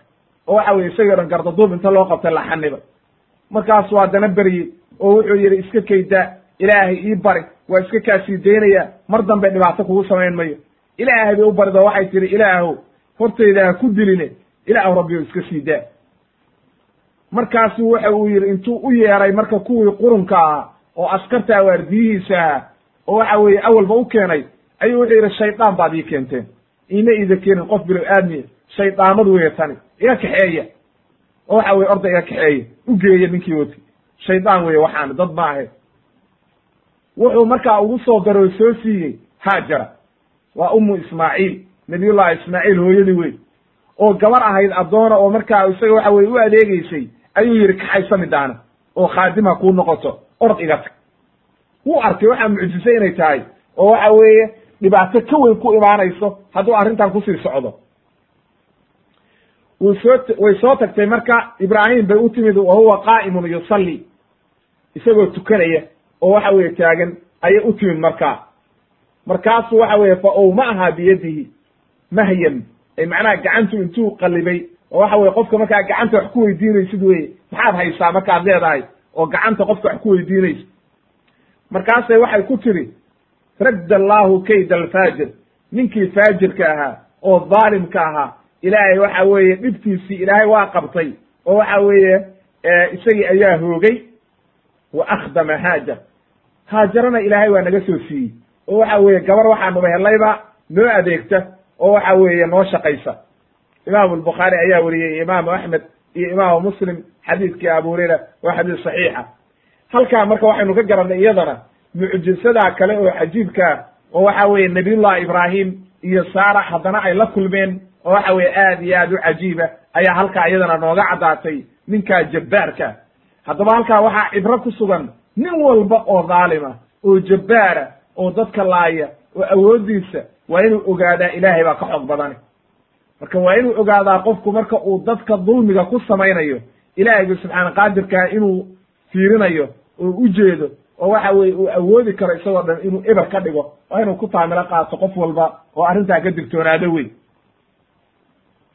qodobka saddexaad aan u soo gudbayna waxa weeye dikru muhaajarati ibraahim biibnihi ismaaciil wa ummihi haajara fii makka. Nabiyullahi ibraahim calayhi salaam waataynu nidhi awlaad ma dheli jirin oo waxa weeye saara waxba uma dheli jirin. Markii la helay marka gabadhan oo waxa weeye haajaro ahayd oo la soo siiyey ayuu nabiyullahi ibraahim iyadiina xaas buu ka dhigtay. Oo waxa weye leannahu qofka waxa u bannaan addoontiisa iyo xaaskiisu waa isku mid wey iyadiina waxa weye xaaskiisii bay noqotay oo nabiyullahi ibraahim meeshii ayaa labadiiba waxa weeye xaas bay u noqdeen. Waxa uu leeyahay markaa kabacdi bay nabiyullahi ismaaciil dhashay. Uur bay horay ka yeelatay markaasay nabiyullahi ismaaciil dhashay. Nabiyullahi ismaaciil marka ibraahim oo intuu soo kaxeeyey nabiyullahi ismaaciil iyo waxa weeye oo wiil yaroo naaska nuugaya iyo waxa weeye hooyadii intuu maka dejiyey ka dhaqaaqaya oo ka tegaya ayaynu halkaana qeyb ka taabanaynaa. Waa qodobka saddexaad wey cabdullahi ibni cabaas wuxuu leeyahay radia allahu canhu awala ma اtakhada annaasu lmindaqa min qibali ummi ismaaciil. Weeye waxa weye mindaqa waxaa la yidhahdaa waxaan ay dhexda ku xirtaan dumarku. Dumarku maryo waaweyn bay qaadan jireen. Markaan hadda fudfudud ma jirin. Maryo waaweyn baa la qaadan jiray. Maradii marka dulucaan dhexda lagu xiro oo waxa weeye gadaal loo sii daayo mara dheer oo inta dhexda lagu xiro dhabarka gadaal dabada laga laalaabiyo wey oo dhulka gaadha markaa. Waxa uu yidhi marka nabi ummu ismaaciil baa ugu horreysay oo samaysatay. Sababtii ku kaliftayna waxay ahayd ittakhadat mindaqan litucfiya atharahaa calaa saara inay saare raadkeeda ka qariso saara markay uur yeelatay gabadhii la odhan jiray haajara ayay saara masaydhay oo masayr baa galay oo waxa weeye ninkeedii oo waxay aragtay ilmo loo dhalayo oo intaasoo sana soo qaday oo aan waxba dhalin markaasay masayrtay oo waxa weeye waxa weye way carootay oo waxay tiri hadda adiga lagu nacayaa marka oo waxa weeye gabadhaani hadday ilmo dhasho hadde ninkii wuxuu jeclaanayaa naagtii ilmo u dhashay iyo waxa weeye gabadhaa yarta ayuu kaxaysanayaa adigina waa kawaad gabowday. Waxa weye waa lagu nacayaa marka. Way masaydhay marka. Markaasay ka dhuuman jirtay haajara. Haajara ayaa dhuuman jirtay raadkeeda meeshay qari martana way ka qarin jirtay. Mara dheerba inta gadaal ku xiratay ayay raadkeeda ku baabi'in jirtay. Meesha ay martaba. Uma jaa'a biha ibraahimu nabiyullahi ibraahim baa soo kaxeeyey haajara iyo waxa weeye wiilkeedii ismaaciil wa hiya turdichu iyadoo nuujinaysa. Intuu saare uga soo tegey baytulmaqdis ayuu wuxuu soo kaxeeyey haajara iyo waxa weeye wiilkii yarkaa oo ay nuujinayso oo naaska u dhigayso. Xataa wadacahumaa ilaa uu dhigay cinda albeyti markuu yimid oo waadi meeshaa hadda beytku ka dhisan yahay oo xaramka ilaahay uu ka dhisan yahay xajka ayuu dhigay marka. Masjidku meesha uu ka dhisan yahay ayuu halkaa dhigay walaysa bimaka yowmaidin axadun. Maalintaana maka wax joogay oo dada ma jirin wey waadi cidla'a bay ahayd oo waxa weeye cidla'a sida inoo imaan doonta. Walaysa walaysa biha maaun biyana ma lahayn. Meel oo masooraa oo aan biyo lahayn oo dad joogin ayay ahayd. Wa wadaca cindahumaa wuxuu dhigay jiraaban fiihi tamrun wa siqaa'un fiihi ma waxa weeye dembiil weyn oo timir ku jirto oo waxa weye waxaan timirta lagu qaato wey ayuu ag dhigay oo waxa weye timirtaa cuna buu yidhi iyo waxa weeye sibraar biyo ah labadaasu intuu ag dhigay oo wuxuu yidhi halkaa jooga oo ka dhaqaaqay marka. Uma qafaa ibraahimu waa jeensaday nabiyullahi ibraahim waa ka dhaqaaqay waa waxyi min allah wey ilaahay baa u waxyooday oo la yidhi halkaa deji oo ka dhaqaaq markaa waa la imtixaamaya waa imtixaan wey halkii wiil ou dhalay oo maanta uu siddeetan jir yahay iyo ziyaado halkaa wiilna uu haysto ayaa la yidhi wiilkii oo naaska nuugaya iyo hooyadiisba halkaa intaa dhigtid oo masooraha ah ka dhaqaaq marka. Wuu ka dhaqaaqay marka. Fatabacatu way soo raacday. Umu ismaaciil ayaa ka soo daba dhaqaaqday oo waxay ku tidhi yaa ibraahimu ibraahiimow ayna tadhabu? Wa tatrukuna bi hada alwaadi aladi laysa fiihi insun walaa shay-un. Waadigan cidlada ah oo aan dad lahayn oo aan wax jooga jirin oo aan biyo lahayn xaggee baad nooga tegaysa. See weeye xaalkaagu. Markaasuu ka dhaqaaqay oo waxa weeye ma soo fiirin lama hadlin marka. Uu ka aamusay waa ka tegey way ku celcelisay marka. Markay dhowr jeer ku celisay ayay garatay marka arrintaani inay tahay waxyi min allah. Markaasay waxay tidhi allahu aamaraka bi haada ilaahay miyaa saa ku amray bi haada arrintaa qaala wuxuu yidhi nacam ilahay bay amray qaalat waxay tihi markaa bal iimaankeeda fiiri iyo caqiidadeeda saxiixa. Waxay tihi idan haddaba hadday saa tahay ilaahay ku amray laa yudayicunaa nama dayacayo oo ilaahay baa nugu filan. Uma rajacat way ka soo noqotay marka. Oo ilmaheeda yarkaabay u soo noqotay fainطalaqa ibraahimu ibraahim waa baxay marka. Sham ayuu qaabila waa tegey. Xataa idaa kaana cinda taniyati xaytu laa yarawnahu. Markuu buurta shishay ka maray safa iyo gadaal uu ka maray oo waxa weeye uu halkaa tegey ayuu waxa weye aynan u jeedinna iyagii ayuu istaqbala biwajhi lbeyt wuxuu soo qaabilay beytkii oo waxa weeye wuu soo jeensaday qibladuu soo qaabilay markaasuu ilaahay beryey oo waxau yidhi aayadahana uu akriyey oo waxa weeye ilaahay ku beryey oo wuxuu yidhi rabbanaa inii askantu min duriyatii biwaadin gayri di zarcin cinda beytika almuxaram ilaahayow ilmahaygii iyo reerkaygii waxaan dejiyey halkaa. Beytkaa agti meeshaa waadigaa cidlada ah webigaa cidlada ah oo waxa weeye waadigaa togaa cidlada ah oo aan miro lahayn oo aan beer lahayn oo aan biyo lahayn ayaan dejiyey. Oo ku yaalla cinda beytika almuxaram beytkaagii aad xaramka ka dhigtay. Leanna waxaynu nidhi meeshaan ilaahay xaram wuxuu ka dhigay yowma khalaqa asamaawaati walard. Maalintii uu waxa weeye samaawaadka iyo dhoolka abuuray ayuu ilaahay ka dhigay xaram. Marka wuxuu leeyahay halkaasaan ilaahu dejiyey oo waxa weye meeshaasaan dejiyey. Sababtaan u dejiyey maxay tahay? Rabbanaa liyuqiimu salaa inay salaada oogaan. Fajcal af'idata min annaas ilaahow qalbiga dadka u soo dum oo u soo kaxee oo waxa weeye halkaa dadka ugu keen oo waxa weeye inay la soo degaan oo waxa weye ay weheshadaan. Ilaahow dad ay weheshadaan u keen warzuqhum. Ilaahow ku irzaaq oo cunto sii min athamaraati miraha nooc walba leh lacallahum yashkuruun. Waxay mudan yihiin markaa inay kugu shukriyaan oo waxa weye ilaahay ay ku shukri naqaan ayay mudan yihiin fi suurati ibraahim.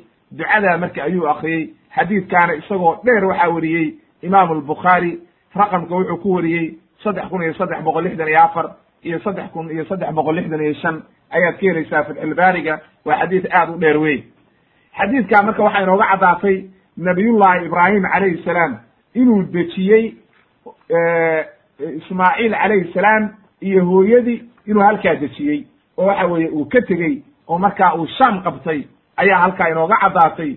Ayna ahayd markaa meel cidlo ah oo aan cidu deganayn oo waxa weeye waadi cidlaa inay ahayd ayaa halkaa inooga caddaatay.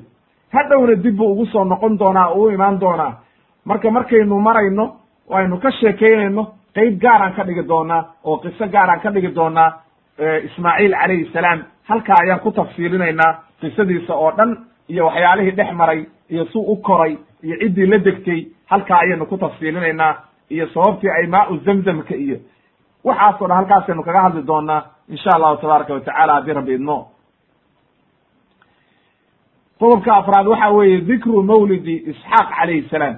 Haddana markaa saara markayna waxba dhali jirin oo nabiyullahi ismaaciil uu dhashay oo ay masayrtay ayaa ilaahay markaa iyadiina wuxuu u hibeeyey isxaaq calayhi salaam oo waxa weeye reer banu israa'iil ay ka farcameen oo waxa weeye nabiyullahi yacquub dhalay ayaa markaa ilaahay ugu bishaarayey qaala allahu tacala ilahay wuxuu yidhi wa basharnaahu biisxaaqa nebiyan min asaalixiin waxaan ugu bishaaraynay nebiyullaahi isxaaq oo nebiya oo dadka saalixiintaa ka mid a wa baaraknaa calayhi nebi ibraahim ilaahay wuxuu yidhi waan barakaynay wa calaa isxaaqa nabiyullahi isxaaqna waan barakaynay wa min duriyatihima duriyaddooda marka waxaa ka mid ah ay nebiyullaahi isxaaq duriyaddii uu dhalay iyo duriyaddii nebiyullaahi ismaaciil ka farcantay labadaba waxaa ka mid a muxsinun mid waxa weeye iimaan laga helay oo waxa weeye ixsaan la yimid oo ilaahay caabuday oo waxa weeye shirkigii banaanka ka maray oo mu'miniina ayaa ka mid a waa muslimiintii oo dhan nooc walba ha ka yimaadeen. Wa dhaalimun linafsihi mubiin. Iyo kuwo gaaloobay oo dulmi sameeyey oo waxa weeye naftoodii dulmiyey oo ay caddahay arrintoodii ayaa ka mida buu yidhi ilaahay subxaanahu wa tacaala. Qaala ibnu kasiir waxa uu leeyahay raximahullah waqad kaanat albishaaratu bishaaradan waxay ahayd oo loogu bishaareeyey nabiyullaahi ibraahim inuu waxa weeye wiil u dhalan doono. Markii ay soo mareen malaa'igtu markay soo mareen nabiyullaahi ibraahim iyo saara iyagoo malaa'igtu u socda ilaa qowmi luutin. Qowmi luut bay u socdeen. Liyudamiruu likufrihim gaalnimadoodii iyo wixii ay la yimaadeen inay halaagaan. Marka waxaa sida qisatu luut inoogu imaanaysa. Markii ay shaam tageen oo muddo joogeen nabiyullaahi luut nebi baa laga dhigay. Waxaa loo diray nimankii deganaa saduum iyo dhulkan urdun loo yaqaan hadda nimankii deganaa ayaa loo diray oo qowmu luut baa la yidhahdaa halkaa ayaa waxa weeye nabiyullaahi luut loo diray oo waxa weeye uu aaday. Oo ilaahay baa nebi ka dhigay. Markay gaaloobeen marka oo liwaadkii iyo wixii xumaa sameeyeen oo ay gaaloobeen oo nabiyullaahi luut ay beeniyeen ayaa markaa ilaahay wuxuu doonay oo waxa weeye xukumkiisii in la halaago marka oo la baabi'iyo marka malaa'igtii baa waxay u yimaadeen oo soo mareen nabiyullaahi ibraahim calayhi salaam. Siduu ilaahay u yidhi walaqad jaa'at rusulunaa ibraahiima bilbushraa waxay ula yimaadeen nabiyullaahi ibraahim malaa'igtii aan soo dirnay bishaaro iyagoo u bishaaraynaya. Qaaluu salaaman way salaameen. Qaala salaam qaala salaamun famaa labita an jaa'a bicijlin xaniid. Mar alla markuu salaamay ayuu gurigiisii u gadoomay oo neef intuu dibi gowracay oo soo solay ayuu u keenay. Oo waxa weye wuxuu is yidhi waa marti. Leanno waataynu nidhi abad dayfaan baa la ohan jiray oo martidu aad u dhaqaalayn jiray. Marka wuxuu is yidhi waa marti. Ee waxa weye martida si fiican u soo. Dibi buu u gowraacay isla markiiba waa la solay. Oo waxa weeye lala soo orday oo waxa weye intuu u keenay ayuu yidhi cuna. Leanno dad bay isku soo meteleenoo shabaab dhallinyaro ah oo waxa weeye kooxoo isla socota ayay iska soo dhigeen. Wayna u bannaan tahay waxa weye ilaahay waa awoodaa inuu malaa'igta ay isku shabahaan waxa weye ilaahay baa awooddaas siiyey wey. Inay dadka isku soo shabahaan. Sidii jibriilba markuu nebiga u yimaado calayhi salaatu wassalaam uu isugu soo shabihi jiray saxaabigii jaliilkaa oo macruufka ahaa. Waxa uu yidhi marka falamaa ra'aa aydiyahum laa tasilu ilayhim nakirahum. Mar alla markuu arkay inayna cuntadii cunaynin oo cuntadii hor dhigay ayaa cabsi gashay oo wuxuu is yidhi marka nimankaani waa niman xumaan u socda. Inay idalaayaan bay rabaan oo dhibaataydu ku sameeyaan wa awjasa minhum khiifa. Cabsi baa gashay marka. Qaaluu waxay idhahdeen laa takaf way hadleen marka. Ha cabsanin baa la yidhi ibraahiimow innaa ursilnaa ilaa qowmi luut. Waxaa naloo soo diray inaan reer qowmi luut halaagne adiga dhibaato ku yeeli mayne ha cabsanin. Wa imra'atuhu qaa'imatun fadaxikat way qososhay marka way faraxday. Markii hore waxay islaahayd nimankaani waa niman xumaan raba waa niman idalaynaya markay aragtay marka oo malaa'igtii ay hadleen ayay faraxday markaa oo qososhay fabasharnaaha waxaan ugu bishaaraynay biisxaaqa nabiyullaahi isxaaq wa min waraa'i isxaaqa yacquub. Kabacdi markaa nabiyullaahi isxaaqna wuxuu sii dhalayaa yacquub calayhi salaam. Qaalat waxay tidhi yaa weylata hoogayge aalidu ma dhalaya wa ana cajuuzun anoo gaboobay soomaalidu marka cajuuza ceeb bay u yaqaaniin laakiin cajuuza macnaheedu luuqadda carabiga waxa weeye waa qofku markuu weynaado ou leeyahay aniga waan weynaado da' baan joogaa ee ceeb ma aha cayna ma aha wa haadaa baclii shaykha ninkaygiina waa kan bay tiri waa oday gaboobay oo waxa weeye xaggee bay arrintaa ka imaanaysaa inna haada la shayun cajiib waa arrinoo la yaabo bay tiri markaasay malaa'igtii hadasho waxay ku yidhahdeen qaaluu atacjabiina? Ma waxaad la yaabaysaa min amri illaahi arrinta ilaahay?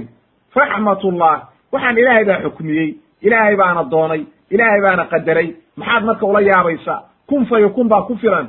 Da'daa doonti joog hadduu ilaahay qadaray inaad dhashid waad dhalaysa raxmatullahi bay yidhahdeen wa barakaatuhu calaykum. Ilaahay naxariistiisa iyo barakadiisa dushiina ha ahaato. Ahla albeyti dadkiina waxa weeye reerkaan meeshiinaa degan innahu xamiidu majiid. Ilaahay mid la mahadiyo oo waxa weeye wax walba awooda oo sharaf le weeye. Marka ilaahay baa arrintan xukmiye waxba ha la yaabin. Yaa saara saaray waxba ha la yaabin weye aayad kale ilahay wuxuu ku yidhi wanabi'hum can dayfi ibraahim. U sheeg baa la yidhi ummadaada nebi maxamedow martidii nebi ibraahim id dakaluu calayhi. Markay u soo galeen faqaaluu salaaman way salaameen. Qaala innaa minkum wajinuun war waan idinka cabsannay buu yidhi. Oo qoom aan la garanayn baa tihin maxaa tihin qaaluu waxay idhahdeen laa tawjal. Ha cabsanin innaa ursil in ha cabsanin bay yidhahdeen innaa nubashiruka bigulaamin caliim. Waxaan kugu bishaaraynaynaa wiil cilmi badan waa isxaaq weye calayhi salaam. Nabiyullaahi isxaaq ayaa mar walba ilaahay ku magacaabaa bigulaamin caliim. Nabiyullaahi ismaaciilna gulaamin xaliim dulqaad badan ayay maaragtay lagu magacaabay. Markaasuu wuxuu yidhi qaala abashartumuunii calaa an masaniya alkibaru fa bima tubashiruun? Markaan gaboobey siddeetan iyo ziyaaduu jiray ba lihi siddeetan iyo lix sana ayay culimmada qaar leeyihiin. Ayuu jiray markaa loogu bishaaraynayo wiilka. War anigaan gaboobey buu yidhi.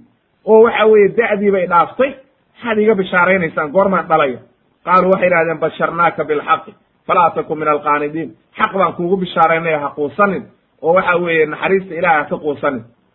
Markaasuu wuxuu yidhi qaala waman yaqnudu min raxmati rabbii ila daaluun yaa naxariista ilaahay ka quusta ilaa qoom gaaloobay oo baadiyoobay oo waxa weeye dhumay mooye ma cid kalaa naxariista ilaahay ka quusata.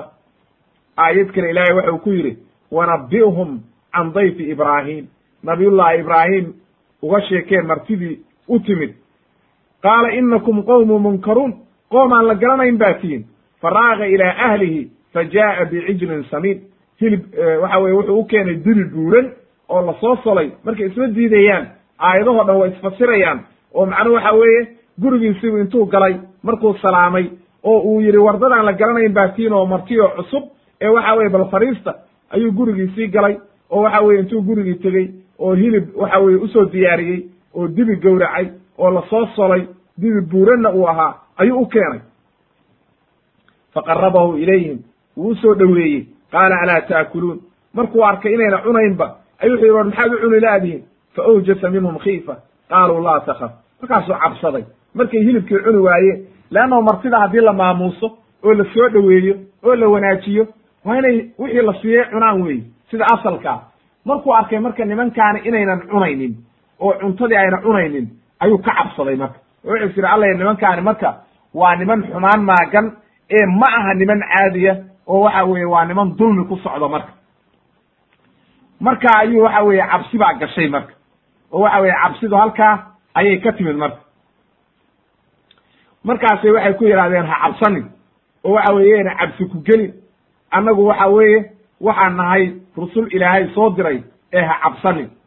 Qaaluu laa takaf wabasharuuhu bigulaamin caliim waxay ugu bishaareeyeen wiil cilmi badan fa aqbalat imra'atuhu fii saratin fasakat wajhaha saare ayaa soo qaabishay oo dhabankeeda dharbaaxday oo wejigeeda inta dharbaaxday waa caadada dumarka weye inay dhabarka dhabanka iyo inay daanka garaacaan oo waxa weeye iyo bowdada iyo markay wax la yaabaan inay dharbaaxa isku dhuftaan waa dhaqanka dumarka weye waa wax caadi oo dumarka oo dhan ay waxa weeye yaqaanin wey waxay tiri markaas wa qaalat cajuuzun caqiim.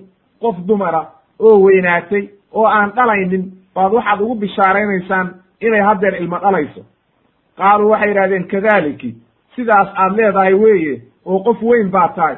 Laakiin qaala rabbuka ilaahay baa arrintan yidhi inahu huwa alxakiimu alcaliim ilahayna wax walba waa og yahay oo waxa weye waa xakiim caliim oo wax walba og wey wuxuu leeyahay marka ibnu kahiir raximahullah fabasharuuhumaa bigulaamin caliim waxay ugu bishaareeyeen gulaam wiil cilmi badan. wa huwa isxaaq calayhi asalaam waa nabiyullaahi isxaaq wa akhuuhu ismaaciil ghulaamun xaliim walaalkii ismaaciilna waxaa la yidhaahdaa wiilkii dulqaadka badnaa. oo waxa weeye dulqaad badnaa ayaa la yidhaahdaa ay sabuurun sabirka badnaa. fabasharnaaha waatuu ilahay yidhi maaragtay wuxuu yidhi wa qowluhu fabasharnaaha waxay daliil u tahay buu yidhi ibnu kathiir saaro qofta la yidhaahdo inay wiil wiilka ay dhali doonto markuu weynaado oo uu wax dhalo isaguna ilaa intaa inay noolaan doonto oo ay arki doonto. Ayay waxa weye arrintaa daliil u tahay buu yidhi ibnu kathiir. Leanno ilaahay wuxuu yidhi fabasharnaaha maaragtay biisxaaqa wa min waraa'i isxaaqa yacquub. Waxaan ugu bishaaraynay isxaaq haddana markaa kabacdi isxaaq waxaa ka sii dambeeya oo waxa weeye iyadana bishaaraa oo ay heli doonaan yacquub calayhi salaam. Labadaba marka oo waxa weeye wiilkeedii oo wax dhalay oo waxa weeye markaa labadiiba inay arki doonto oo ku raaxaysan doonto ayaa arrintaa loogu bishaareeyey oo waxa weeye markaa halkaa ka caddaatay ayuu leeyahay ibnu kathiir raximahullah. Marka halkaa waxay nooga caddaatay qodobkaa nabiyullaahi ibraahim iyo sara oo waaweynaaday oo siddeetankii waxa weeye la yidhi ibraahim siddeetan iyo lix sanuu jiray. Saarana kollay muddo qabay laakiin cajuuza mar walba nafteedii ku magacaabaysa oo qof weyn noqotay ayaa ilaahay wuxuu ugu bishaareeyey markaa raxmaddii ilaahay iyo naxariista ilaahay ayaa ilaahay wuxuu ugu bishaareeyey inuu waxa weeye uu siiyey nabiyullaahi isxaaq oo waxa weeye yacquub uu sii dhalay oo ay saa ku tarmeen haddaba halkaa waxaa faa'iidaa oo laga qaadanaya qofku inuuna quusan. Intaad yar tahay haddaadan wax dhalin ha quusanin akhilmuslima o waktilmuslima leanna waxaa dhici karta adiga oo weynaaday oo da' jooga inuu ilaahay ku siiyo. Oo waxa weeye iskuma xira dhashu. Qofkii ilaahay la maago waa dhalaya. Oo ilaahay ugu talagalo waa dhalayaa marka in la quusto maaha oo qofku uu yidhaahdo aniga waa quustay bas wey mar haddaan da'daa gaaray wax dambe aan dhalaya ma jirto ha dhihin. Waxaynu u soo gudbaynaa marka marxaladii saddexaad oo ah marxalatu alimtixaan waalikhtibaar biibraahim calayhi salaam. Ibraahim markii reer qoomkiisii laga badbaadiyey oo ilaahay badbaadiyey oo uu soo haajiray oo qoomkiisii ka soo tegey oo awlaad la siiyey oo uu raaxaystay oo nabadgelyo helay ayaa markaa kabacdi haddana ilaahay imtixaamay marka marka markii hore waxaa lagu imtixaamay dhibaato haddana nicmaa la siiyey. Haddana waa la imtixaamay markaa oo waxa weeye bal waxaa la eegayaa nabiyullahi ibraahim inuu marka bal qalbigiisu u dabco. Waxa weeye awlaadda iyo waxaan ilaahay siiyey iyo inuu ilaahay wax walba ka hormariyo. Qalbi marka waa la imtixaamay markaa qisadii ugu horreysay oo lagu imtixaamay waxay ahayd dabxu ismaaciil calayhi salaam. Gawrac baa la yidhi wiilkaagii haddana marka nabiyullahi ismaaciil baa la siiyey. Markaasa haddana waxaa la yidhi gawrac marka. Amarkii ilaahay qaado oo gawrac wiilkaaga marka. Qaala allahu tacala ilahay wuxuu yidhi wa qaala inii daahibun ilaa rabbii sayahdiin waan idinka tegayaa buu yidhi qoomkiibiu ka soo haajiray ilaahay baa i hanuuninayuu yidhi waana idinka tegaya rabbi hablii min asaalixiin ilaahay buu beriyey oo yidhi ilaahow ummad awlaad saalixiina isii fabasharnaahu bigulaamin xaliim waxaan ugu bishaaraynay wiil dulqaad badan ay sabuurun aad u sabir badan. Falamaa balaga macahu sacy markii uu gaadhay dhalinyaro noqday xoog yeeshay. Assacyi waxaa la yidhahdaa falamaa balaga macahu sacya wiilku markuu aabbihii raaco oo uu la shaqeeyo aduu waa dhowr iyo toban jir wey markuu xoog yeeshay oo aabbihii la shaqaynayo oo wax tarayo oo uu dhedhamiyey manfacaadkiisii iyo wanaaggiisii ayaa la yidhi haddaba ibraahimow gawrac wiilkaaga marka. Waa arrin aad u badan waa arrin aad iyo aad cajiiba waa imtixaan adag weeye. Ina hada lahuwa albalaa'u almubiin waa arrin aad iyo aad imtixaana weeye. Leanno wiilkii ilaahay ku siiyey oo waxa weeye beerkaaga ahaa oo aad jeclayd oo xoog yeeshay oo ku shaqaynaya markii lagu yidhahdo gawrac. Waa arrin aad iyo aad u cajiiba wey leanno ilmahaaga marka dhibaato yar gaarto caawa seexanaysid waad welwelaysaa. Bal ka waran haddii lagu yidhi inta midi qaadatid gawrac wiilkaaga. Xataa ma awoodi kartid uma dul qaadan kartid. In lagu yidhaahdo meel cidlaa uga tag. Markii hore waxaa lagu imtixaamay waxa la yidhi meel cidlaa deji. Oo halkaa uga dhaqaa. Wuu yeelay waa hoggaansani haddana waxaa lagu imtixaamay waxa la yidhi gawrac marka. Oo waxa weeye qoorti ka goob oo isagoo dhan gawrac. Ilaahay wuxuu yidhi marka qaala yaa bunay falama balaga macahu sacya ayuu hadlay nabiyullahi ibraahim ru'yaa lagu tusay oo waxa weeye ru'ya alambiyaa waxyun weye waa waxyi weeye ru'yada ambiyadu. Wuu riyooday ru'yaa loogu waxyoodo waxaa la yidhi gawrac wiilkaaga. Markaasuu hadlay oo wuxuu yidhi markii waagii beriyey yaa bunaye wiilkaygiyow innii araa waxaan arkay buu yidhi filmanaami oo aan ru'yo ku arkay annii adbaxuka aniga oo ku gowracaya fandur maadaa tara bal arrinta eeg buu yidhi see bay kula tahay maxaan samaynaa? Arrinta xaalku see kula yaa leanna wiilkii waa wiil weyn markaa oo caqli leh. Marka waxaa la rabaa intuunan ku degdegin wiilkii hadduu iska soo qabsado oo middi iska mariya waa dhibaato wey wuxuu yidhi marka bal wiilkaygii oo eeg taladaana meeshii taalla. Ilaahay baa saa i amraya maxaa xaloo sameeyaa? Bal arrinta see bay kula tahay. Qaala wuxuu yidhi wiilkii waa hadlay. Waa nebi ilaahay weeye. Wuu og yahay. Waa nin sabir badan. Wuu hadlay oo wuxuu aaminsan yahay inuu aabbihi nebi yahay. Ilaahayna uunan amraynin wax khalada. Oo waxa weeye ilaahay wuxuu doono inay fulayaan ayuu og yahay. Oo waxa weeye waa inuu ilaa ilaa la sameeyo weye wixii ilaahay uu amro wey markaasu waxa uu yidhi fandur maadaa tara markuu yidhi wuxuu yidhi yaa abati aabow ifcal maa tu'mar. Wixii lagu amray samee. Satajidunii waad ihelaysaa insha allahu min asaabiriin aniga waa sabrayaa buu yidhi hadday arrintaani tahay xukum ilaahay uu keenay oo lagu amray samee adiguna ilaahay u hoggaansan anna ilaahay baan u hoggaansamaya waan sabraya aynu fulinna wix ilaahayna amray. Qaala ibnu kathiir wuxuu leeyahy raximahullah. Waxa uu ilaahay inoo caddeeyey aayadahan markuu nabiyullahi ibraahim soo haajiray oo qoomkiisii ka soo tegey inuu ilaahay weydiistay awlaad. Markuu awlaaddii weydiistay ayaa ilaahay ismaaciil siiyey markii ilaahay ismaaciil siiyey leanna waa wiilkii ugu horreeyey oo oo loo dhalay calaa ra'si sittin wa thamaaniina sana min cumri alkhaliil calayhi salaam. Siddeetan iyo lix sano isagoo jira ayuu ismaaciil u dhashay baa la yidhi calayhi salaam. Markii uu dhallinyaro noqday shabba wa saara oo waxa weeye uu dhallinyaro xooga noqday oo waxa weeye masaalixdii aabbihi iyo hawshii uu qabanayo oo uu qumayo oo shaqaynayo ayaa waxa weeye markaa ilaahay wuxuu u waxyooday nabiyullahi ibraahim isaga oo hurda. Wuxuu arkay isagoo wiilkiisii gowracaya wiilkiisiibuu u bandhigay marka.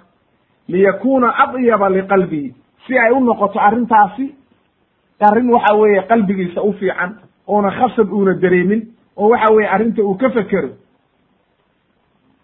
dabxigiisana u fudud. Leanno arrinta markii laguu sheego oo aad ku talageshid iyo markii lagugu soo boodo isku mid maaha. Markaasuu wiilkii ogaaday inay arrintaani tahay waxyi min allah. Wuu sabro wuxuu yidhi aniga waa sabrayaa aabbo amarka ilaahay qaado oo waxa weeye anigana igowrac anna waa isdhiibay ilaahay baan u hoggaansamaya fabaadara ismaaciilu liijaabati amri abiih arrintii ilaahay iyo amarkii aabihi ayuu u hoggaansamay markuu hoggaansamay wa hada aljawaabu fi gaayati istidaabi wadaacati lilwaalidi warabbi leanna wiilku wuxuu sameeyey ismaaciil inuu waxa weeye sidii ugu fiicnayd buu isku dhiibay.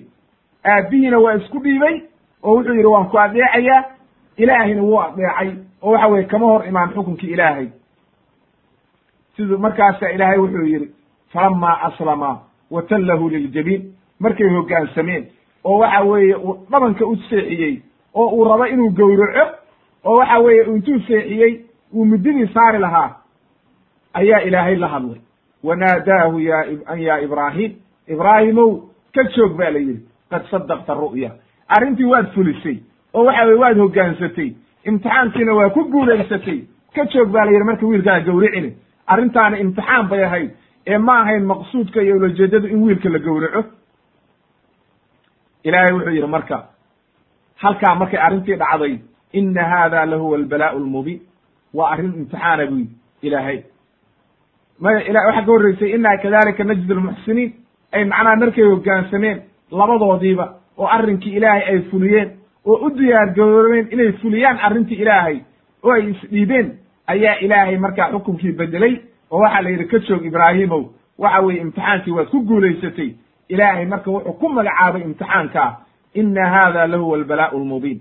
Waa dhibaato iyo imtixaan aad iyo aad u adag oo mashaakila wey ay alikhtibaar aldaahir albayin waa imtixaan adag oo daahira oo muuqda oo waadixa oo waxa weye lagu imtixaamay nabiyullahi ibraahim ilaahay wuxuu yidhi markaa haddana wafadaynaahu bidibxin cadiim waxaan ku furannay dibxi wan weyn sida cabdullahi ibni cabbaas uu yidhi jacalnaahu fidaa'an waxaa lagu furtay maaragtay wan oo waxa weeye kabshun cadiimun weyn oo waxa weye aad u weyn ayaa lagu furtay buu yidhi ibnu cabbaas raximahullah waxaa la yidhi xataa geesihiisii ayaa xaramka ooli jiray oo waxa weeye wuxuu ahaa wan weyn oo geesa leh oo ilaahay uu soo dejiyey oo waxa weeye lagu furtay nabiyullahi ismaaciil marka. Qodobkaa marka waxaa inooga caddaaday imtixaankaa inuu ku guulaystay nabiyullahi ibraahim. Markuu imtixaankii ku guulaystay marka oo waxa weeye ay caddaatay ayaa markaa waxaa la amray haddana inuu beytkii ilaahay dhiso oo waxaa la yidhi dhis marka kacbada. oo waxa weye imtixaankii waad ku guulaysatay dhis baa la yidhi kacbada marka. Waxaa halkaa marka uu yidhi waa qodobka saddexaad oo odhanaya dikru bay binaa'ihi albeyt alcatiiq. Inuu waxa weye markaa la yidhi beytkii dhis. Qaala allahu tacala ilahi wuxuu yidhi waid bawa'naa liibraahiima makaana albeyti anlaa tushrik bi shay'a wadahir beytiya lildaa'ifiina walcaakifiina walqaa'imiina warukaci sujuud beytkii ilaahay dhis baa la yidhi oo shirkiga ka daahiri oo waxa weeye dadka imaanaya oo waxa weye ku dawaafaya iyo inta degan iyo inta rukuucsan oo jooga oo waxa weye ku cibaadaysanayaba u daahiri. Waadin fi nnaasi bilxaji ogeysii baa la yidhi dadkii. Ogeysii dadkii oo waxa weye xajkii ugu dhawaaq ya'tuuka waxay kuu imaanayaan. Iyagii baa imaanaya rijaalan iyagoo lugaynaya. Wa calaa kulli daamirin iyagoo ama fuushan fardihii iyo geelii iyo wixii maaragtay xoolihii saaran bay imaanayaan min kulli fajin camiiq. Meel walba oo fog bay ka imaanayaan ee xajkii intaad dhistid oo beytkii dhistid ugu dhawaaq dadka. Oo waxaa dhahdaa war beytka ilaahay soo xajiye oo imaada xajka ilaahay ayaa waxa weye la amray wey waa tuu ilaahay ku lahaa aayadda kale fi suurati ali cimraan ina awala beytin wudica linnaasi laladii bibakkata mubaarakan wa hudan lilcaalamiin ilaahay wuxuu yidhi beytkii ugu horreeyey gurigii ugu horreeyey dadka loo dhisay inay ilaahay ku caabudaan waxa uu ahaa maka waa gurigaa maka ku yaalla waxa weeye waa xaramka ilaahay ilaahay wuxuu yidhi fiihi aayaatun bayinaat maqaamu ibraahim waxaa ku taalla buu yidhi bayinaat iyo aayado cadcad dhagixii uu ku istaagay nabiyullahi ibraahim ayaa waxa weeye raadkiisii iyo calaamadiisii ku taalla ayaa la yidhi oo waxa weeye waadixa oo muuqata. Ilaahay wuxuu yidhi waman dakhalahu kaana aamina qofkii galana waa aamin wey oo dhibaata ku dhici mayso oo waxa weeye nabadgelyu haystaa welilaahi cala annaasi xiju lbeyt ilaahayna waxaa uu ku leeyahay dadka dushooda inay soo xajiyaan man istadaaca ilayhi sabiila qofkii awooda. Waman kafara fa ina allaha ganiyun can alcaalamiin. Haddii qofkii gaalooba oo diiday inuu soo xajiyana hadda ilaahay uma baahna wey oo waxa weye ilaahay hani buu ka yahay wey ilaahay wuxuu yidhi waid bawaanaa liibraahiima makaana waid ibtalaa ibraahiima rabbuhu. Ilaahay wuu imtixaamay ibraahim bikelimaatin kelimado ayuu ku imtixaamay. Fa atamahuna wuu dhammaystiray. Qaala inii jaaciluka linnaasi imaama. Haddaba markaasaa ilaahay wuxuu ugu abaalgudoo la yidhi waxaan kaaga dhigayaa dadka imaam marka. Qaala wa min duriyati duriyaddeedana ilaahu imaam ka dhig buu yidhi qaala ilaahay wuxuu yidhi laa yanaalu cahdi adaalimiin ma soo gaarayso dadka dhaalimiinta ballantaydaas iyo ballanta aan qaaday duriyaddaada waan ka dhigayaa a'imo laakiin inta saalixiintaa weeye inta dhaalimiintaa ka dhigi mayo weeye markaa ilahay wuxuu yidhi waid jacalna albeyta mataabatan linnaasi wa amna waاtakiduu min maqaami ibraahima musalla. Waxaanu beytkii ilaahay ka dhignay buu yidhi amni. Iyo waxa weeye mid loo soo noqdo oo aamina. Ka dhigta baa la yidhi meeshii marka maqaamu ibraahim waa meesha labada ragcadood lagu tukada xajka oo waxa weye maqaamu ibraahim la yidhahdo ilaahay wuxuu yidhi wacahidna ilaa ibraahima wa ismaaciila an dahiraa beytiya lidaa'ifiina waalcaakifiina warukaci sujuud. Daahiriya baa la yidhi beytka ilaahay shirkiga ka daahiriya oo shirkigoo dhan ka nadiifiya inta ku dawaafaysa iyo inta ku ictikaafaysa iyo inta ku tukanaysa oo sujuudsan ama rukuucsan u daahiriya ba la yidhi.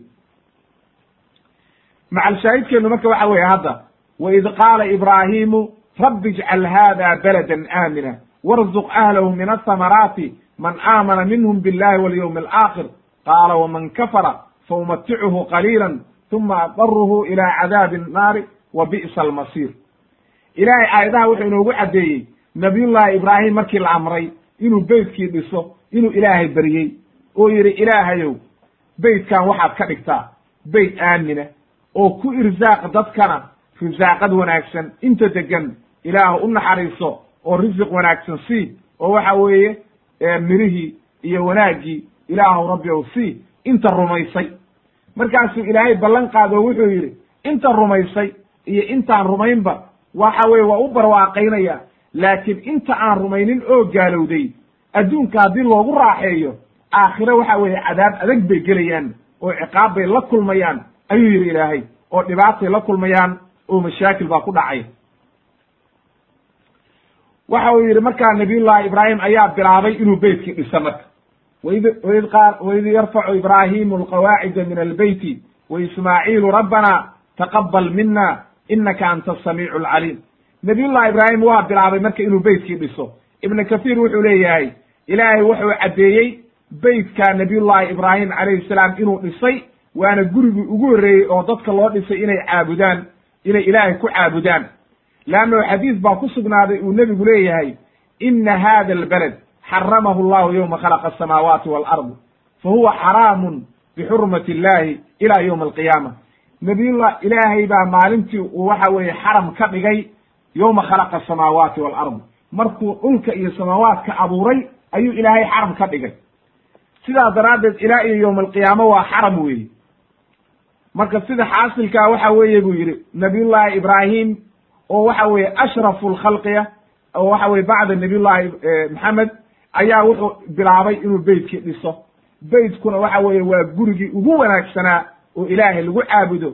Halkaa ayuu marka nabiyullahi ibraahim beytkii dhisay oo waxa weeye qawaaciddiisii taagay oo waxa weeye uu dhisay marka. Waa amni weeye waatuu ilaahay lahaa awalam yarow anna jacalna xaraman aaminan wayutakhadafu annaasu min xawlihim afa bilbaatili yu'minuuna wa binicmati illaahi yakfuruun war miyaynan u jeedin ba la yidhi quraysh beytka ilaahay intuu dejiyey oo aamin laga dhigay ay xaramkii ilaahay ku raaxaysanayaan dadkii kalena dhibaata maalin walba haysata iyagana amni bay haystaan markuu dhisay beytkii oo dhameeyey ayuu ilaahay baryey oo wuxuu yidhi rabbanaa wabcad fiihim rasuulan minhum yatluu calayhim aayaatika wa yuzakiihim wa yucallimuhum alkitaaba walxikma. Nabiyullaahi ibraahim markuu beytkii dhisay oo ay ilaahay baryeen oo yidhahdeen ilaahu naga aqbal ayuu haddana ilaahay baryo wuxuu yidhi ilaahu u soo saar rasuul diinta bara oo soo gaarsiiya. Waa nebi maxamed weeye calayhi salaatu wassalaam. Waatuu nebigu ku lahaa xadiis saxiixa ana dacwatu ibraahim anaa dacwadii ducadii uu nebi ibraahim ilaahay baryey waa aniga weeye oo waxa weeye aniga ayaa dacwadii siiya nabiyullaahi wa kaana aakhiru man basharanii ciisa bna maryam. Nabiyullaahi ciisa ayaa ii bishaareeyey oo waxa weeye sheegay inuu waxa weeye aan nebi imaan doona wa kaana ismuhu axmed waatuu lahaa maaragtay reer bani israa'iil. Markuu la hadlayey waxaan idinku bishaaraynayaa nebi iga iga dambeeya oo imaan doona. Ayaan idinku bishaaraynaya waxa weye xadiidka waxa weriyey ibn casaakir wasaxaaba sheekh albani fi saxiix iljaamic raqamka kun iyo afar boqol lixdan iyo saddex. Halkaa marka waxaa inooga caddaatay qeybta nabiyullahi ibraahim inuu beytkii dhisay biamrin min allah ilaahay inuu amray. Ka hor waxay ahayd meel cidlaa oo aan cidina deganayn oo waadi cidlaa bay ahayd. Markuu awlaaddiisii dejiyey oo imtixaankii ku guulaystay ayaa la yidhi dhis marka beytkii ilaahay. Markaasuu qawaaciddii u taagay oo tiirarkii u fidiyey oo waxa weeye uu dhisay markuu dhisay oo dhammaystirayna ilaahay buu beriyey inuu ilaahay ka aqbalo. Waatuu ilaahay lahaa nabiyullahi ismaaciil iyo nabiyullahi ibraahim oo baryaya oo odhanaya rabbanaa taqabal mina inaka anta asamiicu alcaliim ilaahu naga aqbal bay yidhaahdeen kabacdina markaasu wuxuu beryey ilaahay oo wuxuu u beryey rasuul inuu ilaahay u soo saaro oo waxa weeye ilaahay buu ka beryey rasuul inuu u soo saaro oo waxa weeye waatuu lahaa ducadiisii dheerayd rabbanaa wabcad fiihim rasuulan marka halkaa waxaa inooga caddaatay nabiyullahi ibraahim calayhi salaam. Markii uu beytkii dhisay imtixaankii markuu ku guulaystay oo waxa weeye la yidhi wiilkaagii gowrac oo uu ku guulaystay ayaa waxaa la amray marka inuu beytkii dhiso marka. Oo la yidhi marka dhis beytkii. Markaad dhistid oo dhammaystirtidna ugu yeero dadka oo dhan inay soo xajiyaan. Qof walbana marka waajib bay ku tahay inuu markaas soo xajiyo oo waxa weeye uu xajkii intuu yimaado uu beytkii ilaahay soo xajiyo ayaa kulligeen laynagu waajibiyey weye laakiin ilaahay wuxuu yidhi qofkii ku gaalooba marka. Oo waxa weeye xajkii ilaahay diiday inuu soo xajiyo ilaahay hani buu ka yahy umana baahna. Oo waxaa la rabaa inuu qofku ogaado xaramkan la soo xajiyayo inaad adiga faa'iida kuugu jirto wanaag kuugu jiro ma aha inaad istiraahid dhib baa kuugu jira. Qofkii ku gaaloobay buu yidhi ilaahay hani buu ka yahay ilaahay. Umana baahna qofkii ku gaaloobay waa inuu ogaado wey. Haddaba marka waa beytkii ilaahay oo waxa weeye ugu horreeyey oo dadka loo dhisay wa huwa ashrafu lbuyuut waa beytka ugu wanaagsan oo waxa weeye dadku ilaahay ku caabudaan. Ilaahayna wuxuu xaram ka dhigay meeshaan oo calaamadiyey yowma khalaqa asamaawaati waalard markii ilaahay uu samawaadka iyo dhulkaba abuuray oo waxa weye intaan bilow aamnigaba la abuurin ayaa meeshaan ilaahay xaram ka dhigay oo ilaahay ugu talagalay inay xaram noqoto. Wataa nabigu leeyahay calayhi salaatu wasalaam ilaahay wuxuu xaram ka dhigay gurigan iyo beytkan waa maka weeye yowma khalaqa asamaawaati waalard fa huwa xaraamun bixurmati illahi ila yowmi alqiyaama. Imaam albukhaari iyo muslim baa weriyey waa xadiis saxiixa. Halkaa marka ayaa inooga caddaatay inuu nabiyullahi ibraahim beytkan dhisay oo ugu horreeyey oo gurigii ugu horreeyey oo loo dhisay cibaadana inuu yahay ayaa inooga caddaatay halkaa ayaan ku joojinaynaa marka walxamdu subxaanaka allahuma bixamdika ashhadu an laa ilaha illa anta astaqfiruka wa ilayk. Qeybta saddexaad ayaynu u gudbaynaa oo waxa weeye hal qeyb ayaa inoo dhiman qisatu ibraahim calayhi salaam. Haddii rabbi idmo insha allah